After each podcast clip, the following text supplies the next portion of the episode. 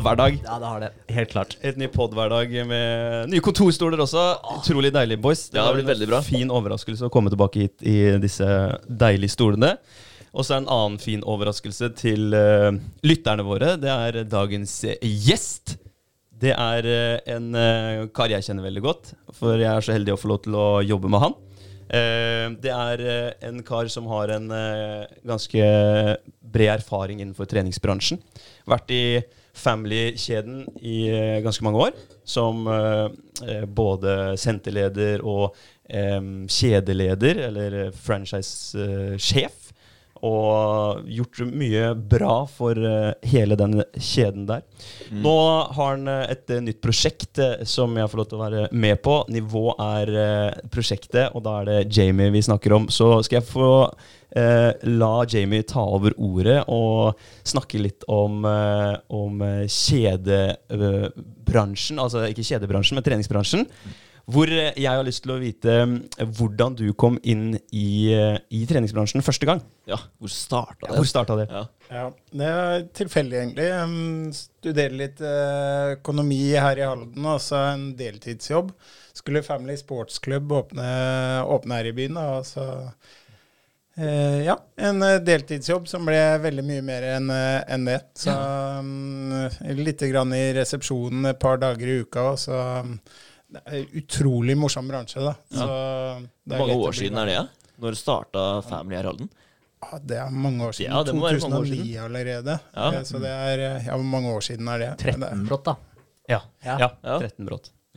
Stemmer. Ja, Shit, 13 år i, i treningsbransjen. Og da har du også i mellomtiden der vært innom et ganske stort uh, importfirma som heter uh, Keycraft. Stemmer, stemmer. Ja. Teknogym-distributør i, i Skandinavia.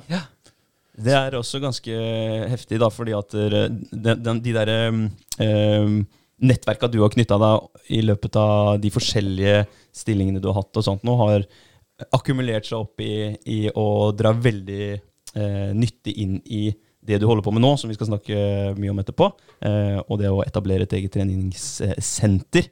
Så utrolig kult at du er her med oss nå og kan dele erfaringene dine. Det er, eh, det er morsomt. Veldig moro, og det setter vi veldig stor pris på. At du Ja. vil ta deg turen, Jamie. Veldig hyggelig å få komme. Uh, uh, kjenner jo til Dypvann, følger dere og hører på podkastene deres og, og sånn. Og det er jo en morsom greie dere har. Og eh, veldig hyggelig å få komme på besøk. Kult. Så bra, så bra. Ehm, vi går enda litt lenger tilbake, kanskje, først. For jeg vet at du, du har et uh, litt eksotisk etternavn. Det kan både være uh, dansk og amerikansk. Stemmer det. Ja. Eh, det kommer fra USA. Eller jeg er født i USA, da. Ja. Så um, der kommer navnet fra. Men um, eh, navnet kommer jo ikke fra USA. Nei. Det, det har vel danske aner. Og eh, når man er fra USA, så hvor er man egentlig fra da? Ja, fra alle Ja. baner. Ikke? Ja, samlingspunkt. Ja. Så det er alle amerikanere nysgjerrige på. Hvor, hvor kommer man fra, egentlig? Så um, eh, ja. Nei, eh, født i USA. Mm. Når var det du kom hit eh, til Norge da? Ja, da var jeg veldig liten, altså tre-fire år, og, og Ja. um, eh, flytta til Norge og har vokst opp her. Ja, ikke sant? Men engelsken og sånn, var den uh, Den har holdt godt ved like og sånn? Altså, eh, jeg regner med du pratet, begynte å prate ganske bra engelsk når du er tre-fire år. Ja, begynte, begynte å snakke engelsk, Ja. men um, eh, så bor man jo i Norge og vokser opp her, og selv med liksom mye kontakt med familie og sånn, mm. der eh, alltid da sommerferiene i USA og så videre, og uh, sånn, så får man en liten sånn skandinavisk sving på det. ja, ikke sant? Ja. Ja, jeg Det er veldig sant. Og så er det ganske individuelt, det også, vel? Du, du har jo noen barn sjøl, men det å snakke, snakke for eh, barn Noen begynner jo når de er to år og snakker veldig godt, og så er det andre som begynner når man er kanskje Eller 15? f 15. ja, vi, vi er jo nå 30, nærmere oss 30. Nå begynner vi å kunne snakke greit. Men jeg ja, fire, kanskje. Eh, jeg har noen historier om det, eller jeg har hørt noen historier om det òg, at det er alt fra to til fire år. Mm. Så det er ikke sikkert du hadde alle glosene dine når du flytta til Norge. Nei, sikkert ikke, men uh, jeg håper det var noe, da. Ja. Ja. Men, men flytta du til Halden da, eller hvor starta den? Nei, um, jeg har vokst opp i Sarpsborg. Ja. Det er uh, er Norges serping, altså. eh, vakreste by. Solbyen. Det er, uh, så der er jeg vokst opp. Um, og eh, med familie der, da. Ja. Ålreit. Så bra. Eh, og da vet jeg også at hvis vi går vi skal, ikke, vi skal ikke grave for dypt i, eh, i eh, hva skal jeg si, fortida di, for da kan vi finne mye rart. Nei da, bare tuller. eh, men vi, vi skal innom hvor det starta sånn karrieremessig. Og det, eh, jeg vet at du har vært innom byggfag. Stemmer Det det. er egentlig der det starta. Det er der det starter, vet du. Ja, ja. Og det var i Halden. Ja, eller altså Når du er, eh, når du er eh, Hvor gammel er man? 15-16 år. Og så skal du liksom Ja, nå, nå vet du hva du skal gjøre resten av livet. Mm. Du gjør jo ikke det. Altfor tidlig. Det er altfor tidlig. Ja, Ja. det er det. Så mm, mange av kompisene mine de, de skulle bli håndverkere, og det syns jeg var en god idé. Mm. Så jeg var innom litt sånn eh, salg og service der og, og sånne ting, da, som kanskje var riktigere spor, men så, så ble det byggfag da, og tømrer. Og det var jo eh, veldig gøy. Eh, det var morsomt. det. Jeg hadde ti tommeltotter jeg, før jeg begynte med det, men lærte jo masse gjennom det. da, Og har fortsatt glede av det.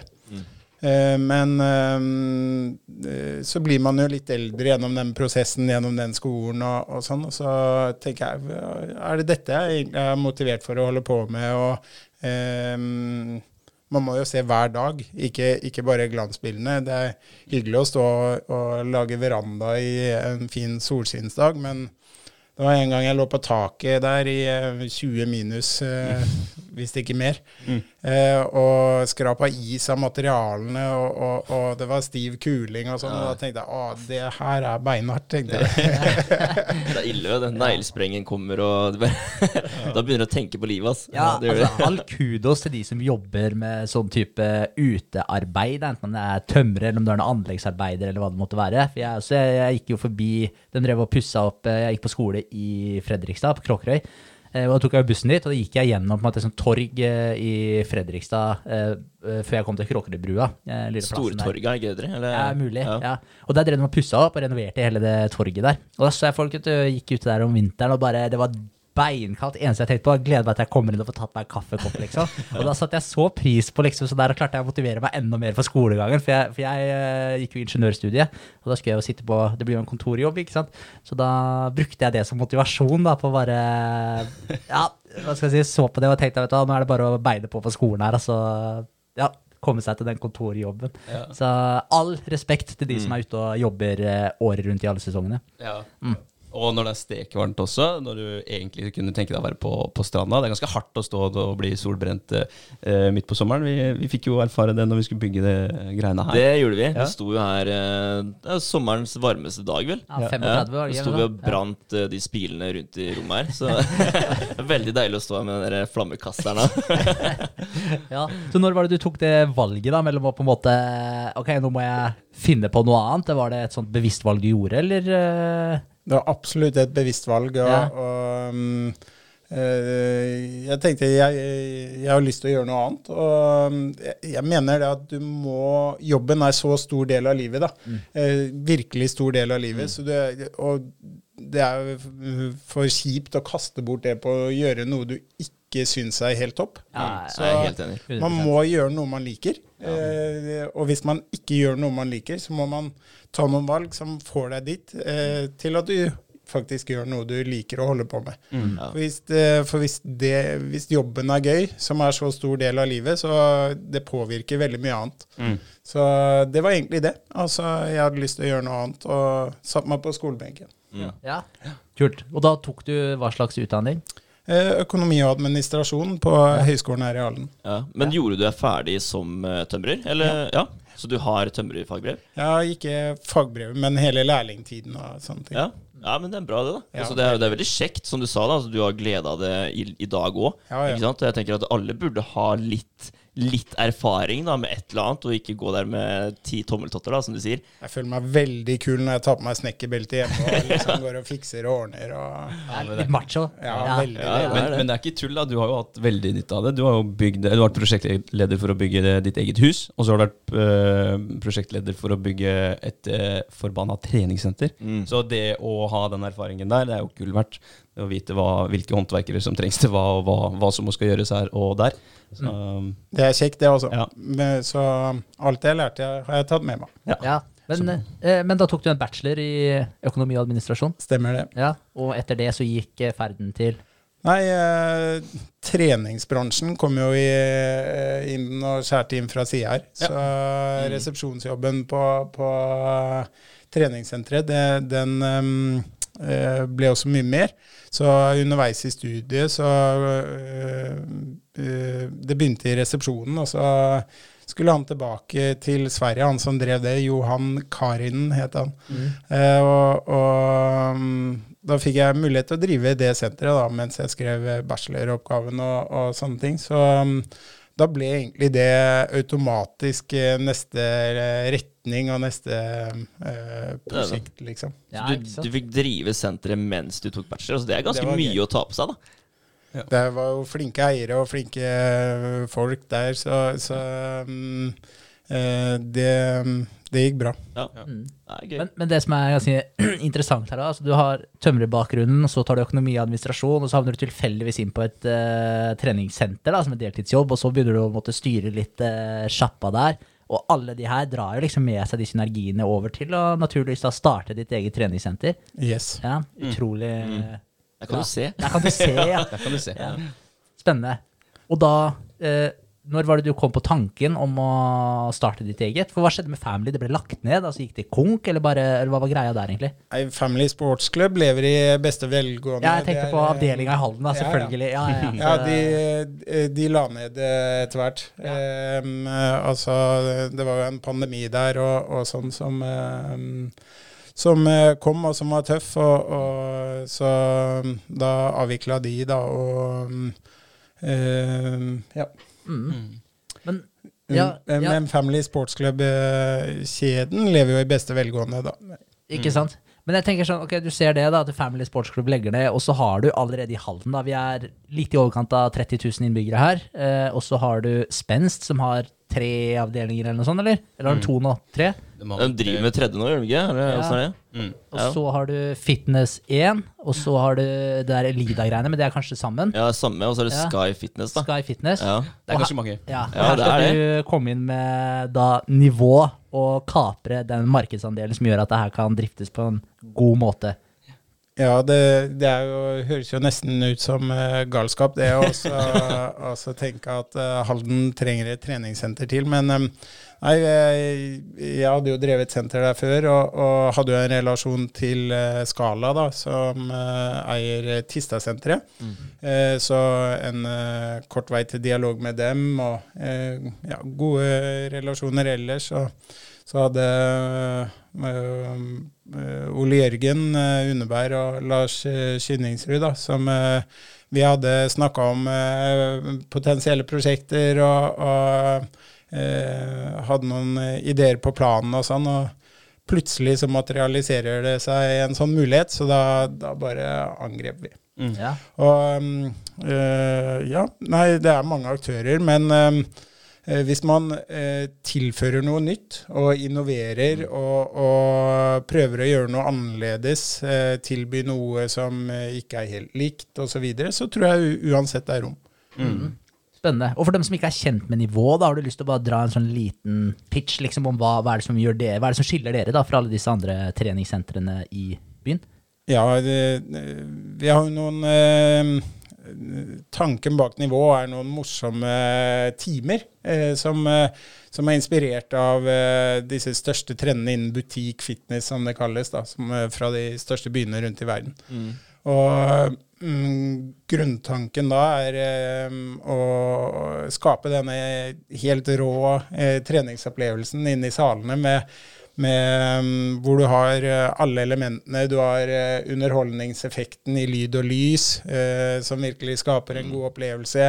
De gode trenerne som eh, drar deg gjennom, coacher deg opp og, og liksom motiverer deg. og, og eh, ikke minst at treningsformen da, er, eh, den er eh, altså, den gir deg det du trenger. Den er bevist. Den er knallgod. Den gir kjempegode resultater så, og, og er bra eh, for eh, kropp og, og sjel. Eh, så mm, nei, rett og slett en kul og annerledes treningsopplevelse hvor vi eh, prøver å spille på mange faktorer da, for å, for å um, eh, skape den, den opplevelsen. Ja. Mm. Kult. Jeg kan jo tilføre, da, for jeg er jo heldig for lov til å kjøre noen av de, de timene her. Og jeg har kjørt, uh, kjørt timene, men jeg har også vært med selv. Og det jeg føler når jeg er med, eh, det er jo at jeg, jeg går ut av en, en hverdag som, eh, hvor mye er likt fra mandag til, til fredag. Mm. og når man kommer inn i et eh, i et sånt konsept da, som uh, f.eks. bootcamp eller boost. Det er uh, annerledes lys, det er annerledes uh, satt opp. Det er, litt, det er litt annerledes enn det man er vant til. Så forsvinner egentlig tankene litt, og, og tida bare går. Og så Du får kobla litt. Kobla, Ja. altså du er, eh, det blir en helt annen opplevelse. Det blir en treningsopplevelse som, eh, som ikke kan beskrives, eh, men må oppleves. Så det er, eh, det er helt eh, rått. Jeg digger de, eh, de timene og, og de konseptene som, eh, som vi har bygd opp sammen. da. Veldig kult. Kult. De er jo veldig fete, de treningsrommene også. De er jo de er stilige, liksom. De, eh, de er jo innbydende, de er jo spennende. Sånn eh, måten de er satt opp på, som du sier, med lys og, og hvordan ja, rommet er uh, forma, egentlig. Så Utforma. Så det er kult. Så er det backa av science, som du sier også, Jamie. Altså treningsvitenskapen. Det her med høy intensitetsintervalltrening. Det er jo mm, kortere tid og høyere intensitet som gir mest treningsutbytte pga. Ja, du har elementet tid, som vi ikke har nok av i hverdagen vår. Og så får du høy puls over den lille tida, verdifulle tida vi har. Mm. det vil gi masse, mer nok effekt eh, for de fleste. Selvfølgelig så kan ikke alle hive seg på en sånn high intensity interval training eh, uten å ha litt treningsbakgrunn fra før av. Man bør eh, ha opplevd litt eh, svette i panna og varme under eh, armhøla før man hiver, hiver seg med på, på noe sånt. Da. Ha et lite grunnlag. Litt, lite grunnlag. Ja. Ok, Men eh, tilbake til når du starta nivå. da, Du går sammen med disse to eh, kameratene, eh, og også da felles eh, investorer i, i det konseptet her. Hvordan går dere fram? Hva er, eh, du sa du hadde litt eh, kontakt med Er det Skada de heter? Eller hva sa du? Skala? Skala Retail Property heter dem. Det er de som eier uh, Tistasenter og mange andre kjøpesentre. Ja.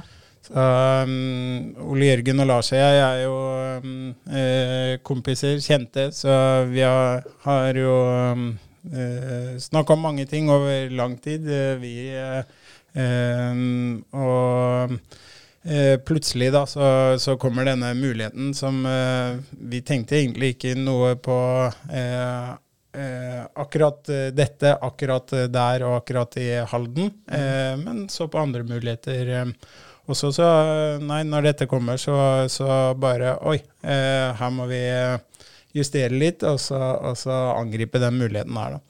Så det er jo eh, lang, eh, lang eh, vei fra, fra idé til, til fysisk åpen virksomhet. Så eh, selve, selve nivå var jo ikke tenkt på, men eh, det er mange år siden eh, eh, tanken om et litt annerledes treningssenter med dette, med dette akkurat dette konseptet kom, da. Eh, så eh, jeg husker det var vel rundt ti år siden jeg leste om eh, For ti år siden jeg leste om uh, disse nightclub-treningssentrene som kom i London og, og sånne ting. Og så bare Oi, shit, det er jo dritfett. Hvorfor har vi ikke det her? Og, så det tar tid fra, fra Oi, dette er kult, til nå åpner vi. Mm. Mm. Men da tok du en eh, kontakt med eh, Eller dere satte dere ned sammen først og bestemte dere at for det her, det her går vi for? Og Ja, bare beina på, eller satt dere og holdt jeg på å si planla i forhold til Ja, du har en økon økonomibakgrunn, så jeg regner med du gjorde noen prognoser i forhold til hvor mange medlemmer dere kunne få, hvordan tallene så ut, da. For det er ikke noe vits å starte en kjappe hvis det skal gå dukken om et halvt år. Nei. Så, så hvilke forberedelser gjorde dere før dere på en måte tok kontakt med eh, det Skala-selskapet og, og, og sa at det her har vi lyst til å gjøre, og det her skal vi få til? Det er jo en, eh, en eh, bransje jeg kjenner godt, så eh, det er jo um, og, de, å budsjettere opp og, og pla, planlegge en sånn um, uh, ny, en nystarta virksomhet, da, det, det har jeg vært med på før, sånn eh, i franchisesammenheng og, og sånne ting.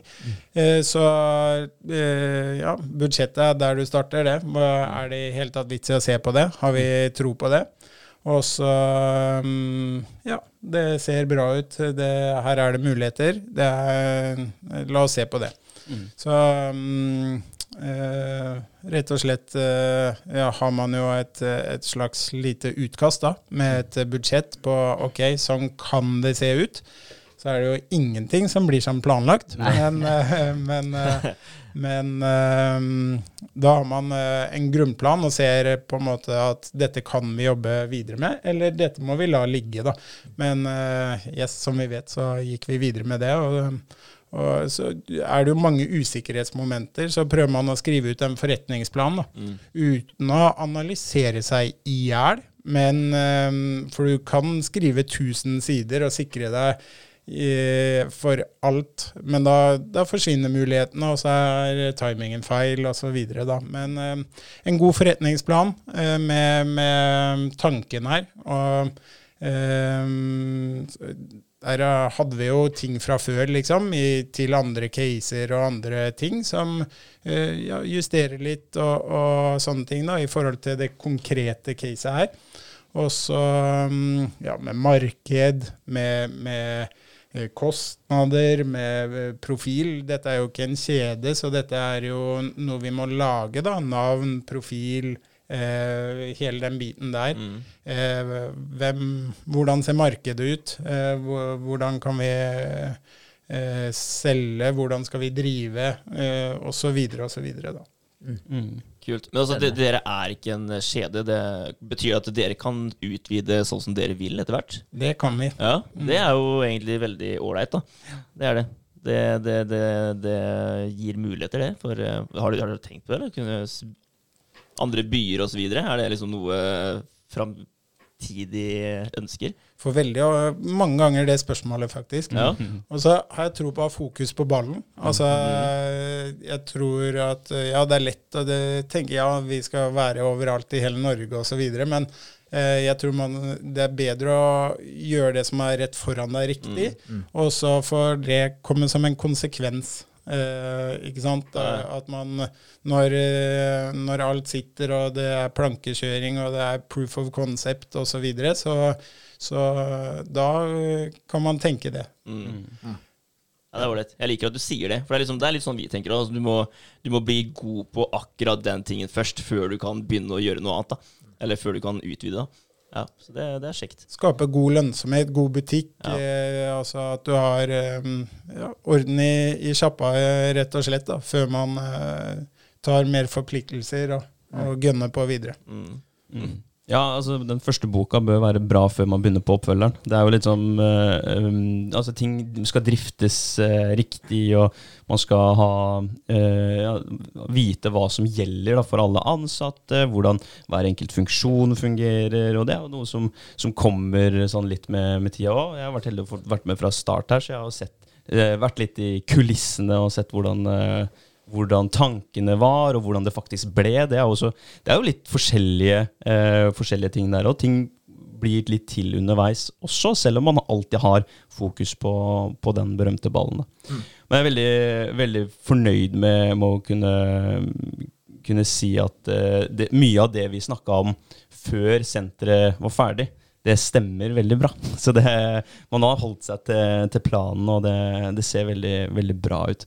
Og det er utrolig kult å se, for Jamie har jo noen, eh, noen kontakter innenfor profilering, da, og innenfor eh, eh, treningsbransjen generelt. Så det utstyret vi har, det er jo top notch. Det har vi vært heldige å, å fått inn, Teknogym. Men også profileringssiden så har vi hatt hjelp av hva heter den? Simpelness. Ja. Og det er jo et byrå som jeg også har snakka med sjøl, og jeg vet at det er det er ikke bare bare å få dem til å gjøre en eh, jobb for deg sånn midt i, midt i Ja, altså når som helst. da, De har litt ventelister, og det koster litt penger. Så det er veldig veldig kult det som Simpleness og Jamie og nivå da har fått til sammen. Hva er det Simpleness gjør? Det er et eh, slags digitalt mediebyrå, eller et mm, markedsselskap, Ja. da. Ok. Eh, mm, eh, gründeren der, haldenser, Tony Ness. Eh, Nå er det et kjempestort eh, eh, markedsbyrå eh, Ok. som eh, ligger i. Oslo. da.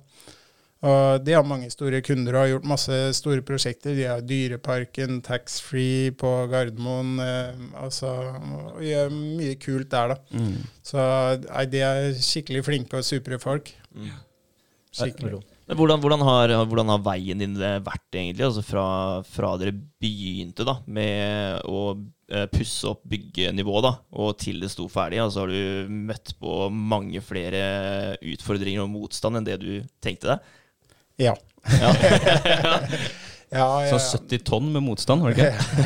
det var noe sånt. Ai, ai, ai, det er mange overraskelser. Altså, eh, og så er det også jo mer du presser tiden, Mm. jo eh, da stressfaktoren øker ganske betraktelig mer da. Så vi hadde en veldig sånn eh, ambisiøs eh, tidsplan, Ja. og da, da setter du press på alt, egentlig, da. Og um, ja, så er det dette med talent eller hardt arbeid, eh, da, som Yes. dere har snakka om hvis, du er, hvis du er verdensmester på prosjektstyring og, og, og så videre og har gjort det i 50 år, så, så kanskje det er enkelt. Mm. Eh, men eh, eh, når du ikke er det, og um, stoler litt på hardt arbeid og sånn i tillegg, så um, og du har det, denne stressfaktoren og dette tids... Eh, så mm, eh, Nei, det, er, det var ganske heftig, det. Ja. ja, det tror jeg på. Hva, Men- hva, ja, ja, unnskyld. Kjør på. Ja, for det, det er første gangen du starter noe altså med noen, da, eget. Det er den første gang du, du bygger noe. Ja. Du har aldri gjort det før. Nei, Nei. eh, første gang vi bygger et uh, treningssenter sånn eh, på e hvor eh, jeg sammen med andre eier det. ja. Mm. Men hadde dere satt en eh, tidsfrist, holdt jeg på å si, at eh, dere skulle være ferdig da? Og ble det strekt noe på den tiden, eller gikk det Det gjorde det. det, Ja. gjorde det. Eh, Så det dukka opp noen overraskelser. Vi måtte pigge ut der. eh, Hvor mange tonn var det? Ja, var det ikke noe sånn eh, 70 tonn, da? Jo, Ja. det var kanskje Det det. er jo Ja, 1000 kvadratmeter der, eh, så vi måtte pigge ut, eh, pigge ut gulvet der. Ja. Eh, Det er liksom ikke bare bare det heller, da. Nei, det tar tid. Ja.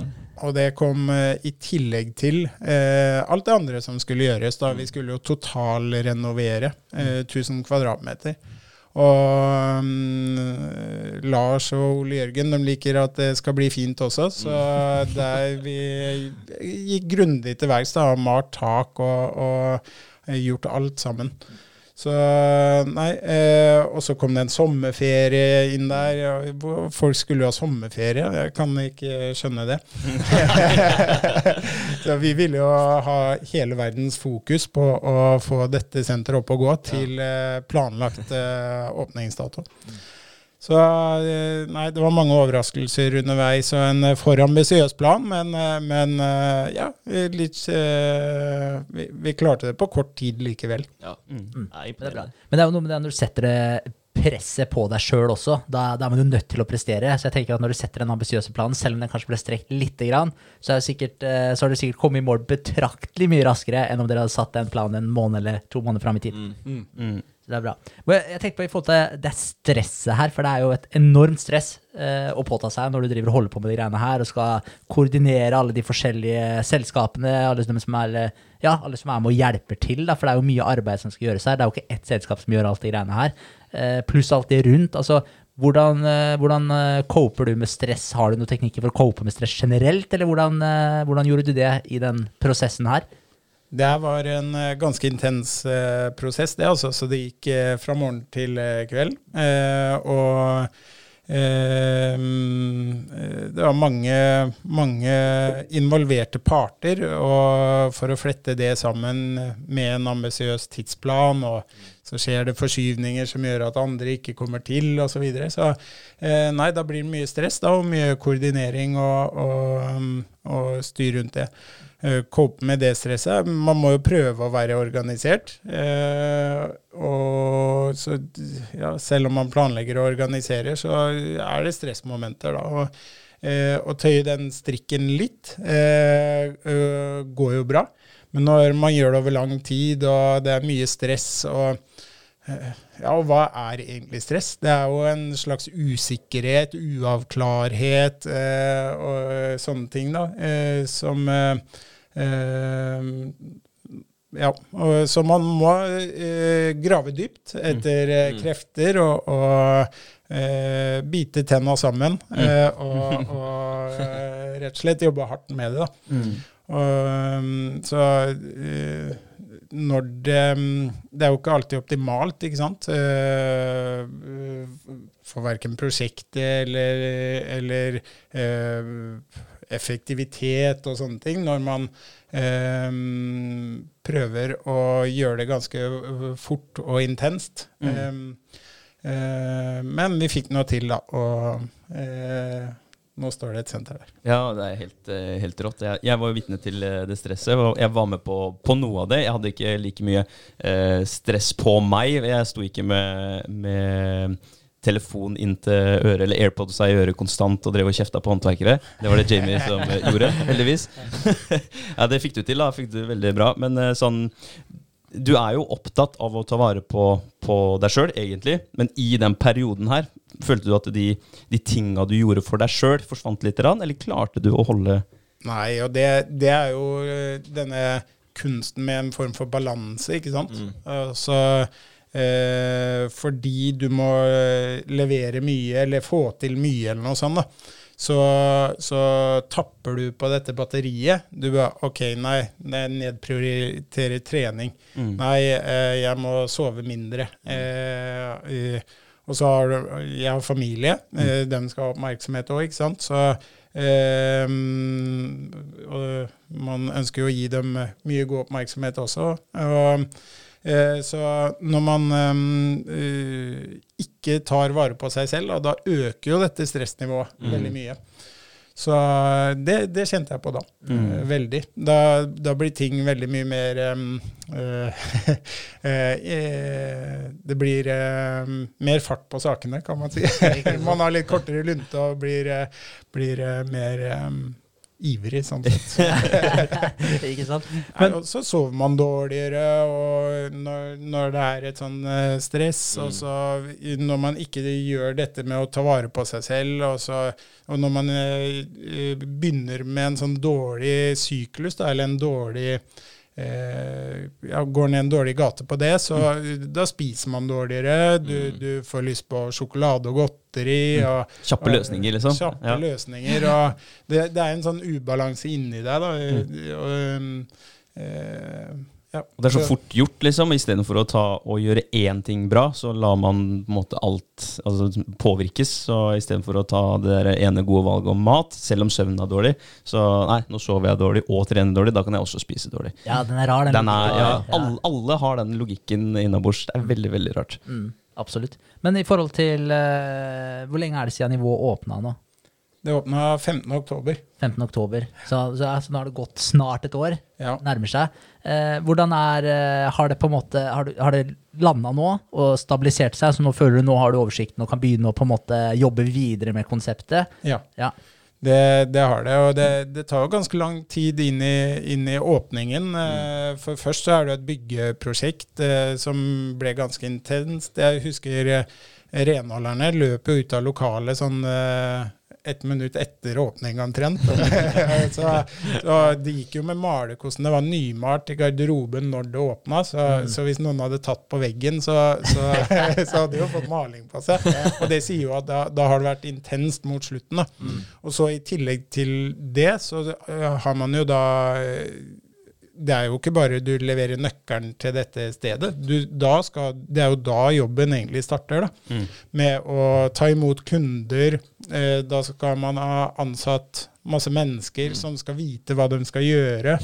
Og heldigvis så André og Linda da, de, de har jo vært eh, med da underveis og, og eh, er selvgående, egentlig. Så, eh, og fikk det til å gå veldig bra. Så um, Nei da. Det, det ble en liten high five da etter den åpningsfesten, når du skjønte at uh, det her gikk. Yes. Ja, Det, det var bra. For en utrolig følelse. Ja, det var en deilig følelse. Ja, det var en deilig følelse. Det er, eh, men Du nevnte i stad også at de to uh, samarbeidspartnerne dine at de var uh, opptatt av å ha det, at det blir pent og sånn. For det er en ting jeg har lagt merke, eller bet meg merke på nivå.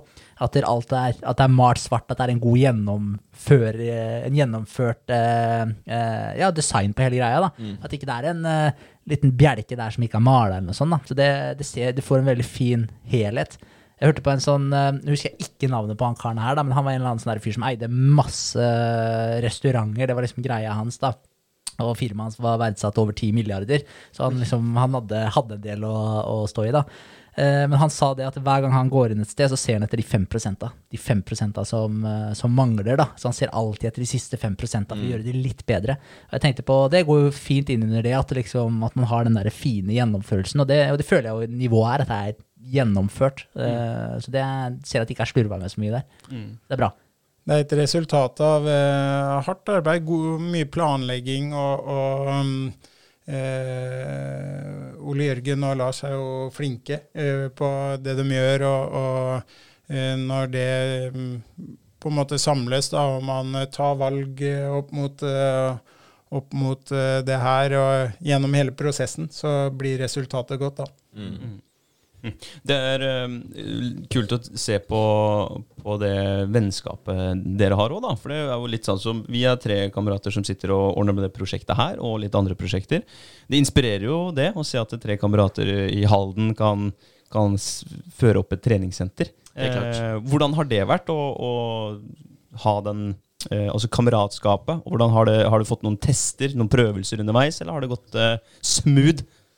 Det det er jo klart, altså å gå på fest sammen og bare ha det morsomt sammen, er jo én ting. Det, det, er jo, eh, det er jo veldig eh, på en måte lett. Mm. eh, Det er jo kjempelett. Og så gode venner har jo ikke bare fest, eh, men også eh, andre ting. eh, Altså eh, hvis noen har det tøft, så er man sammen. Og liksom, så når man er eh, ordentlig gode venner, så, så er det jo mer enn bare festdager. Eh, Eh, nå hørtes jo veldig ille ut, eh, egentlig, da, men, eh, men ja, ja, ja, det, er, det er jo oppturer og nedturer i livet. Ja. Og gode venner er jo med hverandre. eh, På de turene, ja. ja. Mm. Eh, men eh, og Så man er jo bevisst på at, eh, at eh, man tar det jo til et nytt nivå. Altså, og så fort man involverer penger, så er det jo mye ansvar. Og, og eh, det, er en ny dimensjon da, i, i relasjoner. Men eh, eh, det er jo oppegående mennesker, eh, og mm, man må, er bevisst på det. Og, og, så det går eh, fint, det, altså. Mm. Man kan jo ikke la være å gjøre kule ting.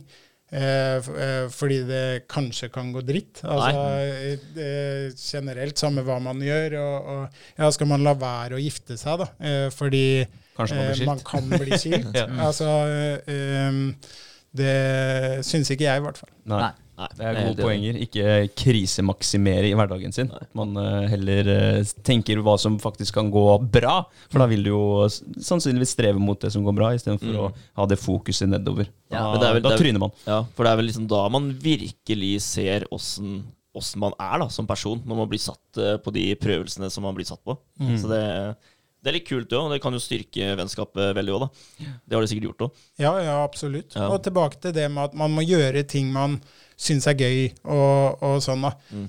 Når du klarer å knytte eh, eh, dette sammen, da, målet med å gjøre dette sammen med venner og sånn, da, er jo at arbeidshverdagen din eh, eh, skal bli mm, altså, morsom av det. Altså, Du har med mennesker du liker å ha med å gjøre, eh, og det er positivt. Og, eh, selv om det er nye problemstillinger sånn, i, i uh, vennskap osv., så, videre, så så målet er jo å, å ja, få hverdagen til å bli enda morsommere. og, og gjøre ting sammen med kule mennesker. Ja, det er kult. fordi at dere, dere har jo et Det er morsomt å være sammen med mennesker som har tilsvarende mål. At man, har, man strever etter noe uh, sammen. Og eh, vi har jo også, via den poden her, tilbringt eh, veldig mange flere timer sammen enn det vi ville gjort ellers. da om vi ikke hadde hatt det knyttepunktet her. Det samme gjelder nok dere også.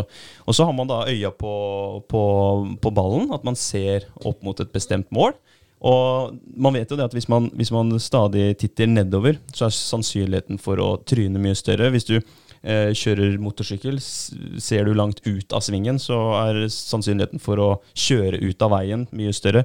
Eh, ta et eksempel fra surfekurset igjen, da, som jeg hadde eh, forrige pod også. Eh, når du skal opp på brettet, så skal da blikket opp eh, fra brettet også. Titter du ned, så er sannsynligheten for at du, du velter mye, mye høyere. da. Mm. Så å, å dele den målet, målsetninga og reisen mot målet, det er jo fylt av energi. Å gi hverandre positivitet og, og bygge hverandre opp. da. Ja, ja. Hele tiden pushe hverandre. Mm. Det er veldig kjekt, det. Det er det. Men Der er det viktig også, da, å omringe seg med mennesker som har litt av den samme gnisten. For du, du, eh, du har jo en veldig aktiv approach i forhold til det at du tar jo grep om livet ditt, og du skaper jo egentlig den hverdagen som du ønsker eh, å ha. Og det syns jeg er veldig inspirerende. For jeg føler det er liksom du har sikkert flere grupper mennesker òg, men det er liksom to kategorier, kanskje. Det er de som virkelig tar grep om hverdagen sin og prøver å gjøre det beste ut av det. Og så er det de som aksepterer hverdagen sin og ikke gjør så veldig mye ut av det. Og tenker på, som du sa i stad, og det likte jeg veldig godt, det med jobben din. Du er på jobben nesten en tredjedel av livet ditt. Du bruker ekstremt mye tid på jobb. Så selvfølgelig burde du etterstrebe at det skal være gøy for deg å holde på med det. Men jeg tror det er veldig mange som aksepterer at de er i den jobben de er i, og de liker det ikke så veldig godt, og kanskje de ikke er så glad i kollegaene sine, og de har det kanskje ikke så fett, men så tenker de det er åtte timer om dagen, jeg kommer meg gjennom de greiene her, og så kan jeg gjøre ditt og datt når jeg kommer hjem, da. Så, men den der, å ha den der aktive approachen til livet, den tror jeg er veldig viktig. Uh, så, det, så det er kult. Jeg føler jo at dere har jo åpenbart det, og jeg føler vi også har liksom tatt mye mer grep om de greiene her. Eh, nå at vi har en eh, bevisst approach på dit, eh, dit vi ønsker å gå. Og litt til det i forhold til den der, eh, å ha øya på, på ballen også, fordi du går dit du ser. Mm. Man gjør det. Hvis man ser på alle problemene og ser på alle stedene det kan gå feil, så ja, men da er det dit du går. da. Men se på løsningene, se på mulighetene og, og se på den eh, ideelle framtida di. Hva kan det bli? Og prøve å jobbe deg sakte, men sikkert mot den. Mm.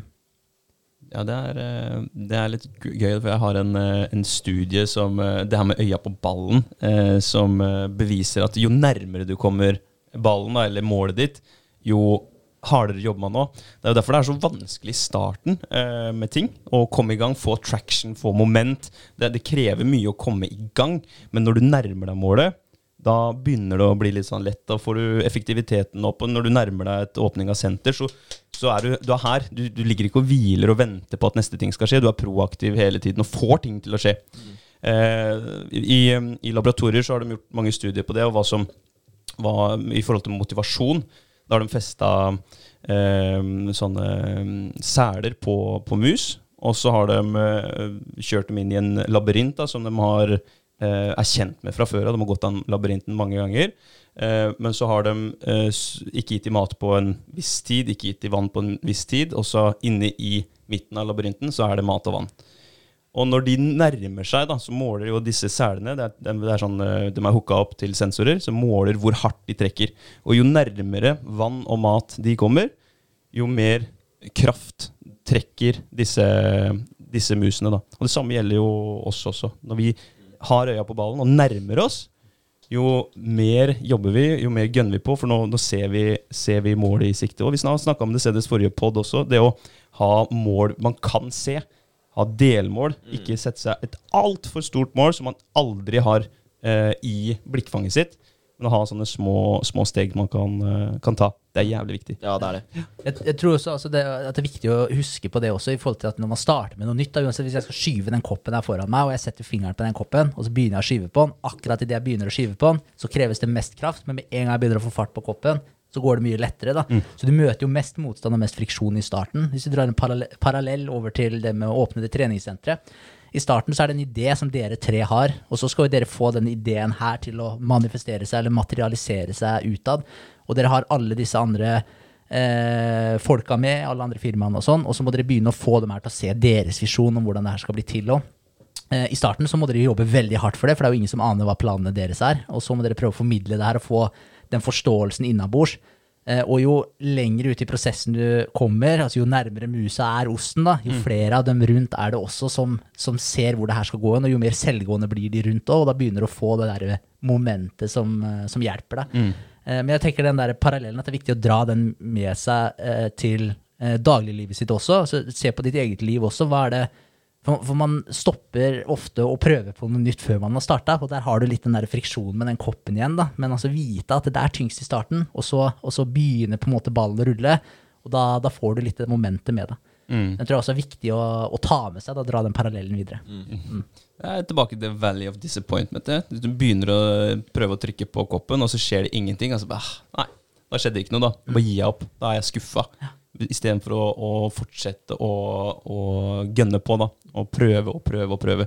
Ny approach, ny approach, ny ball, ny ball. Ja. Det er viktig. Ja. Du gikk tilbake på skolebenken, sa du, og, og reskolerte deg. Mm. Eh, hvordan var det i forhold til når du da hadde eh, hadde typ, hadde, du hadde, ikke, du hadde starta lærlingtida, og så hoppa du tilbake til eh, Mm. den utdannelsen. For jeg tenker sånn litt i forhold til andre som hører på, da, altså hvis man har lyst til å ta en litt ny retning i livet, for det er jo litt det vi er inne og snakker om her nå, å skape litt din egen eh, litt bedre framtid for deg sjøl. Eh, hvordan, eh, hvordan var det å gå tilbake på skolebenken eh, der? For det må jo ha vært et eh, Jeg vet ikke, jeg, jeg hadde vegra meg litt for å hoppe tilbake på skolebenken nå, da, for å si det på den måten. Eh, For meg så var det mm, mye bedre å gå på skolen. Jeg hadde fått noen år eh, blitt noen år eldre. Da, helt annen motivasjon, helt annen uh, tanke på det. Litt mer voksen i hodet. Mm. Uh, uh, så, så for min del så var det egentlig um, veldig bra, altså. Og um, det, jeg tok først noen sånne fag for å, for å komme inn på høyskolen, da. Og, så, og, så, og det var jo Når man er ja, bare noen år eldre, fem år eldre eller noe sånt, nå, så de tingene man lærer Jeg tror man tar det litt annerledes og reflekterer annerledes over det. Og, og uh, ja, man kan det på en annen måte når man, eh, når man er noen år eldre. I hvert fall som for min del. Eh, egentlig ikke eh, sånn superskolemenneske, eh, jeg. Um, eh, sitte og lese selv eh, alene mye, lære mye sånn på egen hånd, leste eksamen og sånn. Sånne ting er ikke min styrke. Eh, gøy, gøy forelesning. Altså gøy, men eh, ja, altså forelesning, interaktivitet, sånne ting. Det, eh, det var bra. Og så videre på, på høyskolen. Der var det mm, økonomi og administrasjon. Så først litt sånn tørre basic-fag. Litt sånn innføring eh, sånn, som bare må læres. Og så videre litt eh, friere retning. Og da var det noe som het eh, innovasjon og prosjektledelse. Som var eh, For i førsten så er jo alle økonomiretningene de samme. Alle tar de samme faga, og så velger du f.eks. revisjon eller, eh, eller eh, innovasjon og prosjektledelse da, som retning. Og da, da former jo studiet seg litt etter det. Og det var jo forbanna gøy. Altså, flinke, motiverende forelesere der. ikke sant? Og, og mye sånn prosjektarbeid som, som handler om ja, det, dette skal skje i en bedrift, hvordan gjør vi det? Definere et prosjekt, eh, gjennomføre det. Og det var også det som var eh, bacheloroppgaven. da. Mm. Og utrolig morsomt. Og så, det, mm, så nei, skolen syns jeg var, eh, det var bra, det. ja. Men da jobba du noe ved siden av og sånn for å på en måte finansiere det? Altså, Ja. ja. Det var da han eh, var i resepsjon. Ja, det var der den deltids-family-stillinga kom inn, ja. Sant? Og det bør egentlig alle gjøre fra ung alder, altså jobb. Ja. Eh, gå ut og, og gjøre ting. Og, og ja, eh, det er bare positivt. Arbeidserfaring og Mm. Ja, for er det, én ting jeg uh, skulle sagt til meg sjøl da jeg var litt grann, eh, yngre, det er eh, jobb litt mer. Ikke sitte like mye på ræva og spill spill og se på TV. Mm. Eh, og kanskje ikke drikke like mye øl. Men, eh, men det var gode minner, det òg, Ja, ja. altså, eh, for, det, for det er noe med det. Altså, man, eh, man skal selvfølgelig ha det gøy, men det er liksom sånn, man trenger ikke ha det gøy hele tiden. Man, man, eh, det er lurt å tenke litt framover òg. Mm. Men det er litt vanskelig, da, sånn som du var inne på i stad. Når man velger studiet man skal ta, man er ganske ung. Eh, det er, man, frontallappen er ikke helt like utvikla som man er nå, så, så man tenker kanskje ikke like langt fram. Da. Men det er et godt tips, det. Å jobbe litt. Altså, man har så mye, så mye igjen for det senere. Mm. Du starta tidlig også et eget selskap. Du har vel hatt to egne, eller? Jo. Stemmer det. Med Pluss uh, nivå, selvfølgelig. Men du har uh, et importselskap. hvor Du har, uh, du har solgt noen artikler og litt sånt nå. Ja, ja, Og ja. så Expect. Stemmer det. Ja, bedriftsrådgivning, og det er ditt holdingselskap. Ja. Stemmer. Men fortell litt om eh, import, da. For det, du starta jo tidlig med det også. Det visste ikke jeg før mm, veldig kort tid siden. Ja, det jeg synes det var uh, veldig gøy. Det var vel f- Første sånn eh, stunt var vel Da var jeg vel ni-ti år gammel og kjøpte hockeykort i USA. Og solgte til kompisene mine når jeg kom hjem. Så import, der var det butikk. Ja. Eh, skjønte jeg. Ja, da. Jeg, eh, når jeg gikk på skolen, så, så jobbe litt på siden er positivt. Så eh, jeg hadde et lite Sorensen Import. Eh, svært konsern der, altså. Eh, drevet fra laptopen i, i eh, stua. Mm. Så eh, Nei, der solgte jeg litt sånn profileringsartikler for eh, treningssentre og sånne ting, med litt bager og flasker og sånne ting. Og, og eh, det var jo grei margin på det, når du fant en triks på å finne noen gode leverandører på det i Asia og sånne ting. Og så, så det var, eh, det var positivt, da. Og så mm, eh, fikk jeg agenturet på en sånn Child Locator het det. Eh, det var en sånn, Nå er jo dette noen år siden, da, så den teknologien er jo eh, eh, gammel nå. Men det var en sånn liten eh, en, Du festa en liten sånn plastikkbjørn på skoen til barnet. Eh, det så ut som en liten leke eller noe sånt, som du festa på lissa. Eh, eller borrelåsen. Og så hadde du en fjernkontroll. Så hvis det barnet løp eh, så du ikke så barnet, da kunne du trykke på fjernkontrollen, så pep den bamsen veldig høyt, så kunne du høre hvor barnet var da. Så det var jo ikke sånn eh, Hvis barnet hadde tatt uh, toget til Fredrikstad, så hadde du jo ikke hjulpet deg. Men uh, hvis du var i nabolaget, så ville du høre den høyt. da. Og det solgte jeg til mye sånne barnebutikker, da, som Babyshop og sånne ting. Så mm, det var gøy. Ja, det er kult. Men, men selger du nysgjerrig spurt da, selger du da et parti inn til den butikken som kjøper det partiet av deg, og da er liksom risikoen din der, det er ferdig? Så du er Stemmer. ikke avhengig av at det blir solgt? Nei. Ja. Stemmer det. Ikke sant? Men eh, jeg gambla jo litt. da. Jeg kjøpte jo et varelager og, og måtte jo kjøre ut det. Ja. Og det gjorde jeg, da. Mm. Fett. Ja. Faen, det er kult, det, da. Ja. Så du holdt på, holdt på lenge da, med litt sånn eh, Det er vel en sånn ønske og vilje, en sånn indre greie for å ha lyst til å gjøre ting, skape ting og, og holde på med ting. Mm. Eh, ja, eh, skape morsomme, en morsom jobbhverdag, da. Ja. Eh, og eh, rett og slett bare kjøre på med det.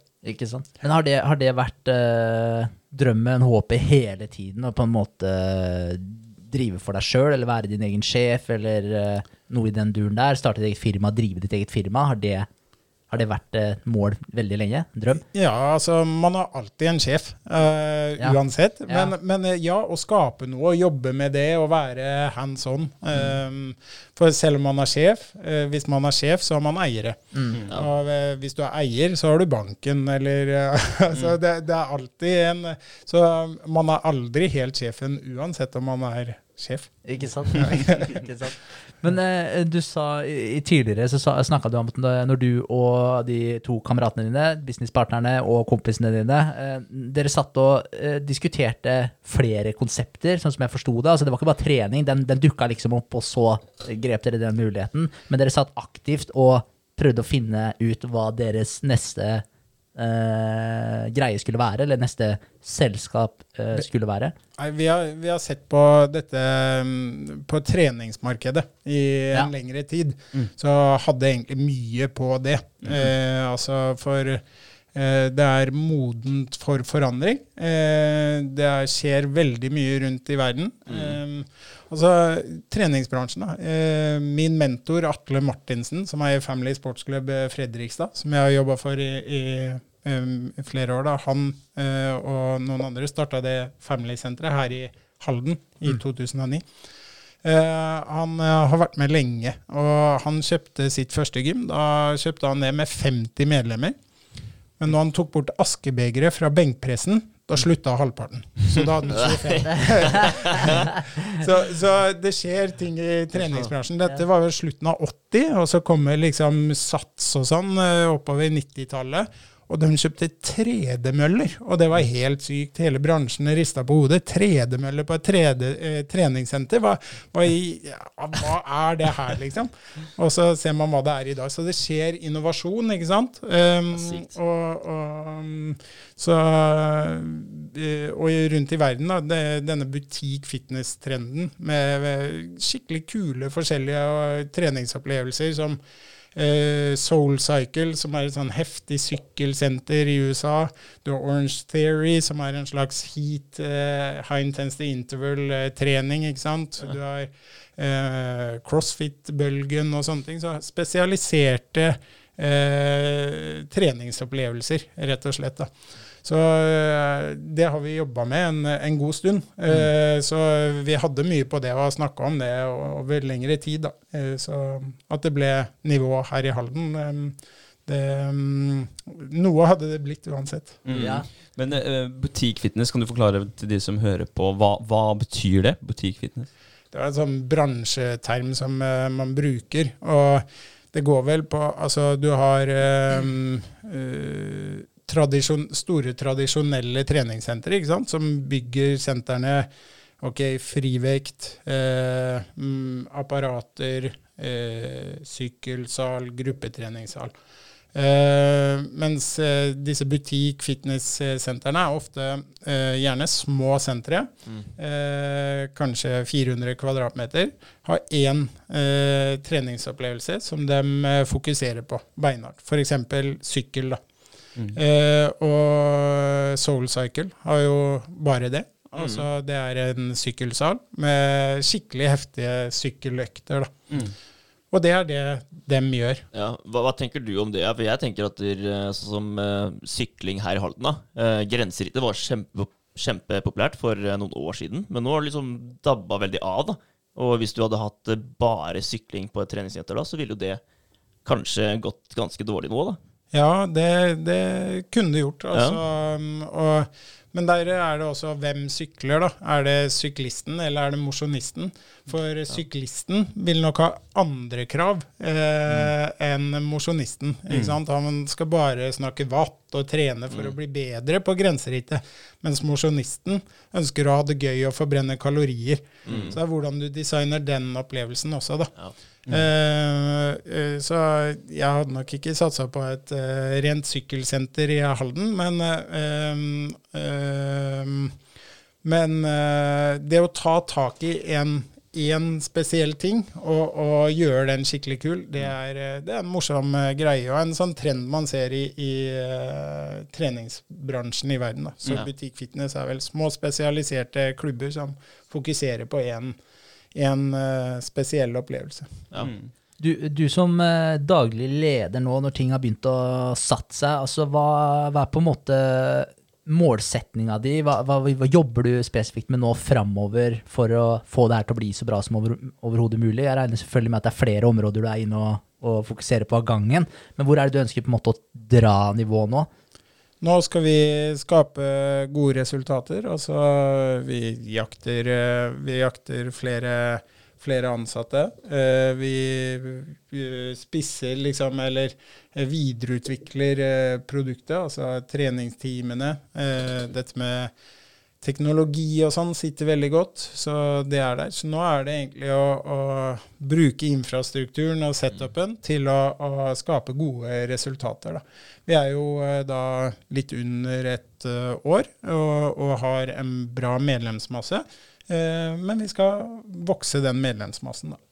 Har, har dere nådd de eh, prognosene dere så for dere i forhold til antall medlemmer og sånn? Ja. Ja, dere er i rute? Yes. Over? Yes, over. Ja, det er utrolig kult. Kult. Veldig, eh, veldig moro. Grattis med det. Takk, takk. Så, eh, men hva var det jeg skulle si igjen? Nei, sette opp et eh, Eller jeg tenkte på de ansatte. Eh, det var egentlig det jeg skulle spørre om. Altså, fordi det er jo ganske mange ansatte når du begynner å få deltidsansatte som er sånn eh, ja, instruktører på timer osv. Mm. Uh, hvor hardt jobber du med å på en måte få de til å videreformidle deres eh, verdiene til nivå? Da? Altså de verdiene som dere på en måte har, har i anførselstegn blitt enige om at det er, det er det her vi står for som eh, nivå. Altså for å få alle disse eh, instruktørene til å gi den nivåopplevelsen til eh, alle som deltar der. Eh, hvordan, hvordan eh, går du fram på, på den biten der? Har du en veldig aktiv approach på det? Vi har jo vært veldig heldige og, og mm, ble veldig glad når André og Linda hadde lyst til å, å være med og jobbe med, med nivå. Og de er jo begge to veldig flinke og veldig sånn selvgående. Forstår, forstår greia. Eh, og er der da full tid. Så har vi tre, tre personer da, som er der eh, full tid og skal eh, jobbe med det her. Eh, og man er jo der, fra, eller vi er åpne da fra 05 til 23, og har deltidsmedarbeidere da som er der kanskje helt ned i en time i uka. ikke sant? Så det er jo en stor utfordring det, å, å få, få alle til å dra samme vei og alt sånne ting. Men eh, vi, har vært så, vi har vært veldig heldige altså, med menneskene som, som jobber på nivå, er engasjert eh, på nivå, som, eh, som på en måte skjønner greia og, og er lagspillere og drar i, i riktig retning. Så um, det, og lever med at ja, kanskje de ikke har fått alle svarene alltid, ikke sant? Eh, for eh, um, eh, sånn er det jo. Altså, vi må ut og levere, og, og vi har ikke alltid tid til å lære oss opp i hjel, ikke sant? Eller sitte og lese og lese og lese. Vi, vi må ut på scenen. Eh, vi, vi må levere. Og um, veldig flinke, selvgående mennesker eh, som, eh, som kommer og, og gir bong. Altså. Det, så det fungerer veldig bra. Altså. Ikke sant? Jeg kan tenke meg veldig ålreit å ha med André som en sånn første ansatt òg. Engasjert, er en kløpper innenfor treningsverdenen og er jo veldig interessert i det han, eh, i det han driver med. For det er jo trening som står hjertet til André nærmest i forhold til det å være bilselger eller trener. Ja. Så den, eh, Det var en fin eh, eh, Hva skal jeg si? Et, hva heter det? En eh, sånn eh, line du eh, kaster over bordet for å redde noen. En fin livbøye som jeg fikk fra Jamie. Neida. Fra bilbransjen. Kom deg opp. Nei, det var eh, Ja, det er veldig, veldig bra. Jeg føler at der, eh, som Jamie sier, at vi er, vi er flinke alle sammen, eh, og at vi har eh, vi, vi er flinke til å gjøre, praktisere det som heter learning by doing også. Eh, så det å ha det grunnleggende på plass, at man, man er litt selvgående og man, man, man er engasjert, da man brenner litt for, eh, for det man driver med. Det er viktig, Vi snakka om det i stad også. Vi snakka tidligere på, eh, på poden her, eller for noen episoder siden, hva er det som Hvorfor blir man utbrent? Og det er fordi man ikke Man mistrives med det man gjør. Og da stresser man unødvendig, og så møter man veggen til slutt. Jeg tror ikke, selv om jeg får mer og mer og mer å gjøre innenfor det jeg driver med, at jeg klarer å bli utbrent. Eh, med mindre jeg begynner å mistrives med det jeg driver med. Mm. så det er, det er jo viktig at man har den grunnleggende trivselen eh, der man er. Og så føler jeg at vi har rettferdighet eh, innabords eh, fra Jamie. Eh, at han er rettferdig som sjef, og at han er flink til å gi oss som jobber foran eierskap til, til hele prosjektnivået. For det har jeg sett på andre arbeidsplasser jeg jobber på, tilbake til bilbransjen òg, at hvis du klarer å smitte litt av det eierskapet, at du får være med på hele prosessen, hele reisen, at du ser bak kulissene, at du får Selv om du ikke er eier av det eh, i form av penger, eh, så at du eier ideen, at du eier tanken, at du kan eh, snakke om det her til et eh, medlem eller en kunde som skal kjøpe bil av deg. At du, du, du virkelig Du har lyst til å gi den gode treningsopplevelsen. Du har lyst til å selge en vanvittig god bil til, eh, til kunden som kommer. Du må ha eh, litt eierskap, selv om du ikke har spytta inn penger. Det er litt den der autonomigreia. Altså. At du det er, det er en av de tinga som gjør at du fungerer best som person. Da, når du får lov, til å, lov til å være med. Da. Og det du sier, det betyr noe, det òg. Ja, Ja. og du- har, eh, hva er det vi har snakka om, at du er um, i en, med en gruppe, da, at du har uh, tilhørighet. Yes. At du, du føler at du tilhører eh, kollegaene dine, at det miljøet, det, det er ditt, du er i ditt rette element. Da. Så hvis man klarer å forme arbeidskulturen eller forme miljøet slik at de ansatte trives, at, det er, eh, at du har et litt eierskap til både ideen og, og det man skal, skal selge, da. Mm. Det, det er viktig. Mm. Ja. Jeg, jeg tror det er uh, viktigere enn man tenker kanskje i utgangspunktet, det her med den følelsen man har. Altså i forhold til at hvis du virkelig tror på et konsept, og du er stolt av det du prøver å formidle, om du er personlig trener, eller om det er en hvilken som helst annen setting. For jeg tror at det, sånn som du føler deg, det skinner igjennom i måten du snakker på, kroppsholdninga di, vi snakka om det i stad, der du ser, dit går du. Jeg tror det har veldig mye å si altså, hvordan du føler deg også, om du har troa på det du driver med, rett og slett. At det vil skinne igjennom. Og er du engasjert og du brenner for de greiene her, så vil det smitte over på dem du prøver å få med deg òg. Mm. Jeg har tenkt på det mange ganger i forhold til um, Nå skjer det så mye i treningsverden, og det, vi er avhengig av teknologi, eh, og det er fint, det. Vi forenkler hverdagen vår med teknologi hele tiden. Og så har du nye arbeidsplasser som blir skapt i form av influenserarbeidshverdagen. Og jeg, hvis, jeg- kunne sikkert ha lagd masse kule treningsprogram, og liksom sånn her får du en uh, shapa rumpe på 30 dager, sånn her får du Og så lagt ut det og solgt det, men jeg tror ikke jeg hadde klart å gjort det og følt meg veldig bra. Hvis ikke det er noe mer enn bare den der rumpa som skal formes. Du må, du må, det er som du sier, Henrik, du må ha den følelsen om at det her er jeg stolt av å kunne, kunne levere. Og, og det føler jeg at dere, vi er på, på nivå. Vi er eh, oppriktig stolte av det vi, det vi leverer. Det er bra. Mm. Hvor mye kosta det å starte treningssenteret? Tid, energi, penger, hva tenker du? Jeg tenkte cash nå, da. Hvor, hvor, mye, hvor mye er det investert i å ta, altså starte et treningssenter fra scratch? på var 1000 kvadratmeter, du sa? Mer enn planlagt. kosta det. Ja.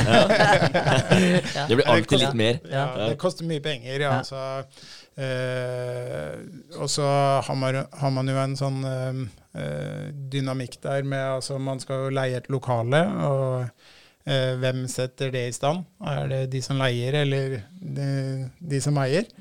Og, og mm, det påvirker jo leieprisen. Eh, og så har man utstyr. Eh, vi kunne kjøpt noe billige greier og, og eh, uh, brukt det. Men uh, her er det state of the art, altså det råeste egentlig som er på markedet. Mm.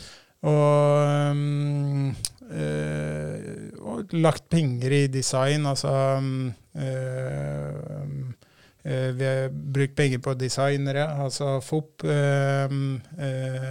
som er haldenser, i Affix. Eh, de er utrolig flinke. Han har masse erfaring fra kule prosjekter. Det koster penger. Og når du skal gjøre det som kommer ut fra eh, sånne prosesser, da, så koster det penger. Så det koster mye penger, altså. Det er ikke bare eh, å, å sette i gang. Det, det koster mye penger. Ja. Jeg tror vel kanskje noe av det første jeg la merke til når jeg kom inn på nivå, det var, det var lysa deres. Eh, fordi det er så typisk da når du er på treningssenteret at du trener, og så blir du blenda av eh, lysa i taket. Og det gjør du ikke på nivå, da. Så der, der har du gjort det veldig bra, da. For det har alltid vært noe som har plaga meg. Du får den der lilla dottene foran øya når du titter på lyset for lenge, ikke sant. Og det, det skjer ofte. Det ligger og tar benkpress, og så bare blir jo flasha da av det lyset. Og det, det skjer ikke hos dere. Nei. Det er Så det er veldig bra. Det er bra. Det er bra. Ja, det er lagt penger i lys og i lyd, Mm. og mest kanskje i tredemøller. Ja. det er jo mm, altså, Norges feteste løpearena, som jeg kaller det. da. Jeg syns det er uh, ganske eh, sprøtt at ikke, at ikke eh, måtte, flere i Halden, Fredrikstad, Sarpsborg har vært inne og, og testa. Så jeg, det her er en, en invitasjon til alle i Fredrikstad, Sarpsborg, Moss. Og, Som hører på Norges uh, feteste og største podkast. Nest største. Nest Nest største. største. Ja, nest største. Kan ikke ta, kan ikke ta nummer én. Nei. Ikke ennå. Uh. Eh, nei, må komme og teste. For det er, eh, det er som Jamie sier, state of the art møller, da. Eh, jeg liker å si tredemøllenes svar på Lamborghini eh, eller Ferrari. Det var vel du som retta på meg. Nei, det er Lamborghini.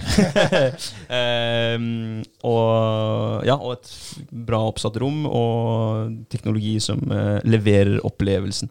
Så utrolig morsomt. Mm. Hva er eh, sånn erfaringsmessig, altså hva er, hva, er den, hva er det du har lært eh, gjennom den prosessen som du har vært igjennom nå? Er det, er det noe du vil trekke fram der som, eh, som har pekt deg ut i forhold til eh, ja, erfaringer du har danna deg, lærdom du har inntatt? Ja, eh, ikke ha så dårlig tid eh, altså i byggeprosjektet. Vi hadde jo dårlig tid fordi vi, dette var eh, på vei ut av covid.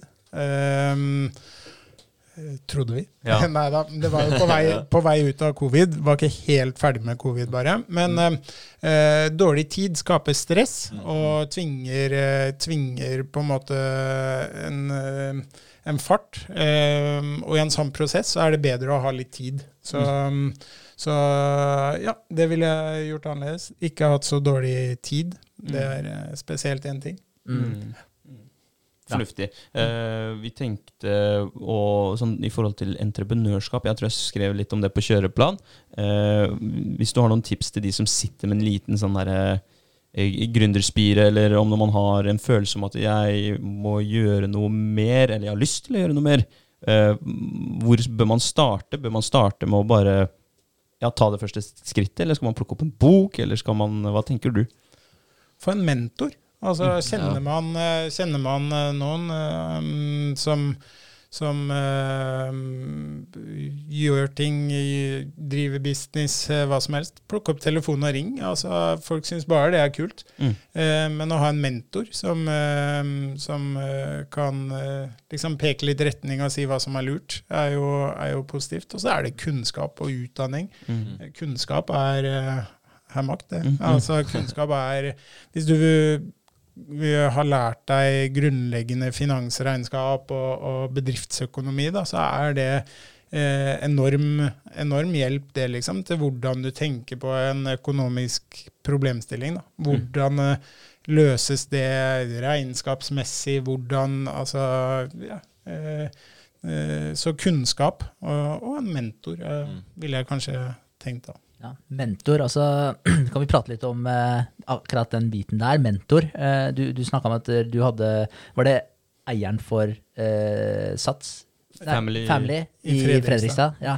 Eh, og hvordan, eh, hvordan ble han på en måte mentoren din? Altså Var det en sånn gradvis eh, prosess ettersom dere jobba litt sammen, eller noe sånt? Eller, eller var du bare straight up du, jeg beundrer deg, kan du komme med noen tips, og så begynte vi å ta litt telefonen? Eller hvordan gikk det for seg? Det, er bare, det er en relasjon som bare utvikla seg. Eh, så vi har ikke skrevet en kontrakt på at han er min mentor. Eh, han er um, en veldig kul fyr. Eh, lært meg masse om treningsbransjen og tatt meg med på liksom alle arenaer og, og sånne ting. Da. Mm. Så eh, han har lært masse av, da. Og, og eh, ja, det er bare ting som utvikler seg gjennom en relasjon. Jeg jobba jo for han og eh, flere, og så, og så da har man jo regelmessig kontakt, og du lærer jo, lærer jo ting da. Mm. Og så har jeg hatt onkelen min eh, som heter Per Steinar eh, Krokstad. Han er en sånn eh, bedriftsrådgiver, da, eller strategikonsulent eller sånn. I kjøper og selger bedrifter for andre og, og sånne ting. Og eh, han har alltid mange jern i ilden og masse spennende prosjekter og sånn. Og, og, og det er jo en inspirasjon. Og så ser man oi, jøss, kan man gjøre sånn? Mm. Går det? Mm. Åssen gjør du det? Mm. Altså, og da Oi. Du, liksom å starte et børsnotert selskap er jo ikke så lett. Eh, men, eh, eller liksom å begynne å produsere en bil, det, det er liksom Det er en lang vei. Men, eh, men eh, mer oppnåelige ting, da. Lokale forretninger, kjøpe en bygård eller altså hva som helst. Det, det er sånne ting som går hvis man jobber hardt og hardt og hardt og lenge for det. Mm. Eh, så litt eh, kunnskap, hjelp og tips, og hardt arbeid. Så. Mm. Vi merker jo bare, Jeg og Vega vi har jo en mentor gjennom eh, Smart Innovation Norway, for vi er medlemmer der. eh, og vi merker jo hvor eh, utrolig stor hjelp det er. Fordi det er ting som man kan drive og google og prøve å lese seg opp på, og så er det konsepter og så videre som man ikke klarer helt å få å catche. Og så spør du den personen om, om et lite tips her og der, og så legger de det ut på en så fin måte. Og bare kunne ta den telefonen nå Mm. og bare spørre og få et lite dytt i riktig retning, det er så utrolig eh, verdifullt. Ja, det er viktig, ass. Ja, det er det. Ja. Og jeg savna veldig det i starten, når jeg og Vegard starta med det, vi, eh, det prosjektet vi starta med. Så savna jeg veldig å ha en eh, person som, som hadde ja, hva skal jeg si god Livserfaring, da. Ja, Ja, rett innenfor og slett. business. Ja. Gjort mange av feila før det, Ja, ja. liksom. Yes, Du savna veldig det. Så jeg Mm. merka at det Smart. Ja, å få, få den mentoren, eh, å få en som virkelig har eh, gått gangen nå, da, ikke bare prata praten, det, det også er så, det er så viktig. Ja. Det er sånn eh, ja, for det, for det også at det er troverdig, da, den personen. Som du sier, altså Mentoren din er jo innenfor treningsbransjen eh, og har, har sine meritter å vise til. Så, og det også er veldig viktig i forhold til troverdigheten også til, til den personen man får tips av. For det er jo sånn finansrådgivere som er blakke, liksom. Det er jo det er, det er mange av dem. Ja, og det er mange av dem som sitter og skal tipse folk om hva de burde gjøre med økonomien sin, så har du ikke, Ikke penger sjøl. Mm. Så det er ja, litt det. Ikke ta imot eh, datingråd fra en person du ikke har lyst til å date sjøl. Ja, det er sant, ass. Det er sant. mhm. Bra. Eh, videre tips til eh, å, å styrke sin egen selvtillit, eller om man skal ja, gjøre hverdagen litt bedre. Har du noen umiddelbare tanker der, eller? Eh, Ta ti pushups. Det styrker min selvtillit, i Mm. hvert fall. Har du, har du alltid hatt en eh, god selvtillit? Har det vært et punkt hvor du bare har eh, Hvor du har gjort et eller annet da Hvor sånn du skjønner at fy fader, det her det hjelper på selvtilliten min? For det, det føler jeg, da, at alt vi driver med, det booster selvtilliten så sjukt. Det gjør det. Det, det har jeg merka veldig de siste åra, at jeg har blitt mye tøffere og ja, tør å, tør å gi mye mer av meg sjøl, da. Ja, så har du, har du liksom hatt en sånn opp igjennom da, hvor du kjenner at du, eh, at du bare har blitt mye sterkere, liksom. Det, Ja, eller altså Det å um, tørre ting, altså våge å, å prøve ting og, Mm. og få mestring gjennom det, det gir eh, god følelse, det. ja. Mm. Det gir eh, god følelse. Og så jobber jeg med sånne ting som eh, eh, Haug heter han, han er styreleder i Sarpsborg 08 tidligere, og har vært styreleder i et par av selskapene som jeg har jobba i før. Ja. Eh, Veldig inspirerende og flink type. Veldig eh, Altså, du, du får god tillit til han og sånne ting. Eh, De driver med sånn eh, personlighetstesting i coaching-biten sin. De har egentlig et sånn rådgivningsselskap. da. Ja. Og eh, blant annet før vi skulle ta starte en nivå, før man tar på seg de forpliktelsene, altså da skal jeg slutte i det engasjementet jeg har, ikke sant? Som, eh, som jo er en stor greie. Og så, hm, ok, er det riktig? Da må man tenke litt grann rundt det. og, og eh, ja, du har magefølelsen, du har magefølelsen eh, som, som er der og sier ja. Men så er det greit å liksom eh, ikke bare hoppe på den, eh, den eh, selv om det ikke er en impuls. Så, så, eh, så da tok jeg litt sånn personlighetstesting og sånn, da. Uh, og det, da, da kjenner, eh, lærer du å kjenne litt deg selv, hvordan du tar uh, best avgjørelser, hvordan du eh, tenker, ja, og, og hvem er du, da? Mm. Er det riktig for meg å gjøre det? Og eh, ja, Når man stoler litt på magefølelsen og bygger du under med litt sånn eh, analyse og innsikt og sånne ting, da, da blir man trygg på avgjørelsene man tar. Ja, men, men når skjedde det, at du, at du slutta, eh, slutta med den jobben du hadde da, for å så drive fullt med nivå? Altså, når skjedde det? Var det, var det idet dere begynte å bygge nivå, eller? Det, ja. Det stemmer. Var, det, var det skummelt? Ja, Ja. Det, var, altså, det var jo det. Altså, men altså øh, øh, Det er jo en sånn veldig stor greie, så egentlig burde jeg kanskje ikke sove i det hele tatt. ikke Nei. sant? Eh, så det spørs jo veldig på hvilken personlighetstype du er. Mm. Eh, men eh, når man tror at ting ordner seg, og, og ja, OK, eh, dette skal vi få til, og har en, egentlig en uh, ro og eh, trygghet på det, så får man sove likevel. Da. Ja. Eh, Jeg, jeg føler liksom at man må få en type bekreftelse da, på at det her kommer til å gå bra uansett. Og da er det greit da, å slutte med den jobben du har. Fordi jeg jo tenker jo at en, en dag i framtiden så, så skal vi også slutte i de jobbene vi har, og begynne fullt med det vi driver med. da. Men eh, da, da håper jeg liksom på så lite tegn da, på at, på at det her kommer til å gå riktig veien. Selv om jeg tror at det selvfølgelig kommer til å gjøre det. Men eh, den lille Ja, man får eh, at brukermassen begynner å komme, eller hva det skulle være. da, Bare det lille tegnet som sier til meg at det er ok. da. Der, fikk du den, eller var det liksom bare at det, det var kanskje det at nå er det klart for å begynne å bygge det?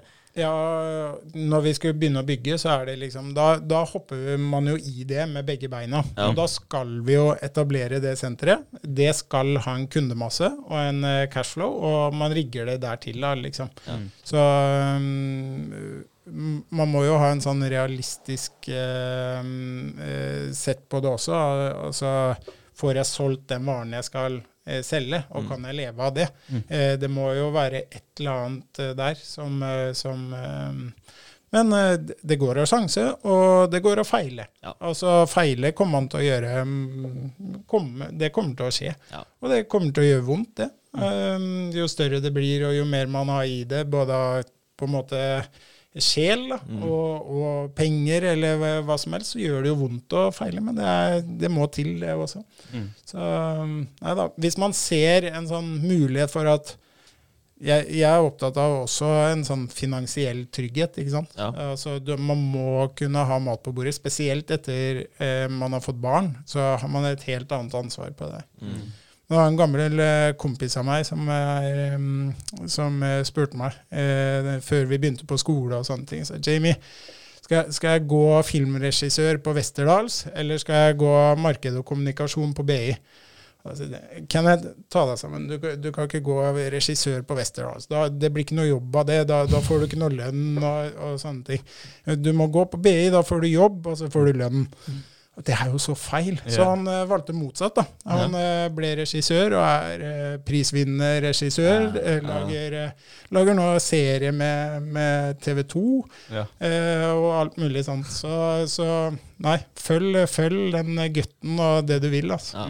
Mm. Det er utrolig kult. Veldig det er det. Eh, I forhold til når du starta den eh, prosessen med å bygge nivå, altså det her når du med tanke på tvil og litt sånn second thoughts og sånn, for jeg, jeg regner med at det har kommet noe innimellom når man føler det blir for mye, og man begynner å tvile litt, var det riktig eller ikke.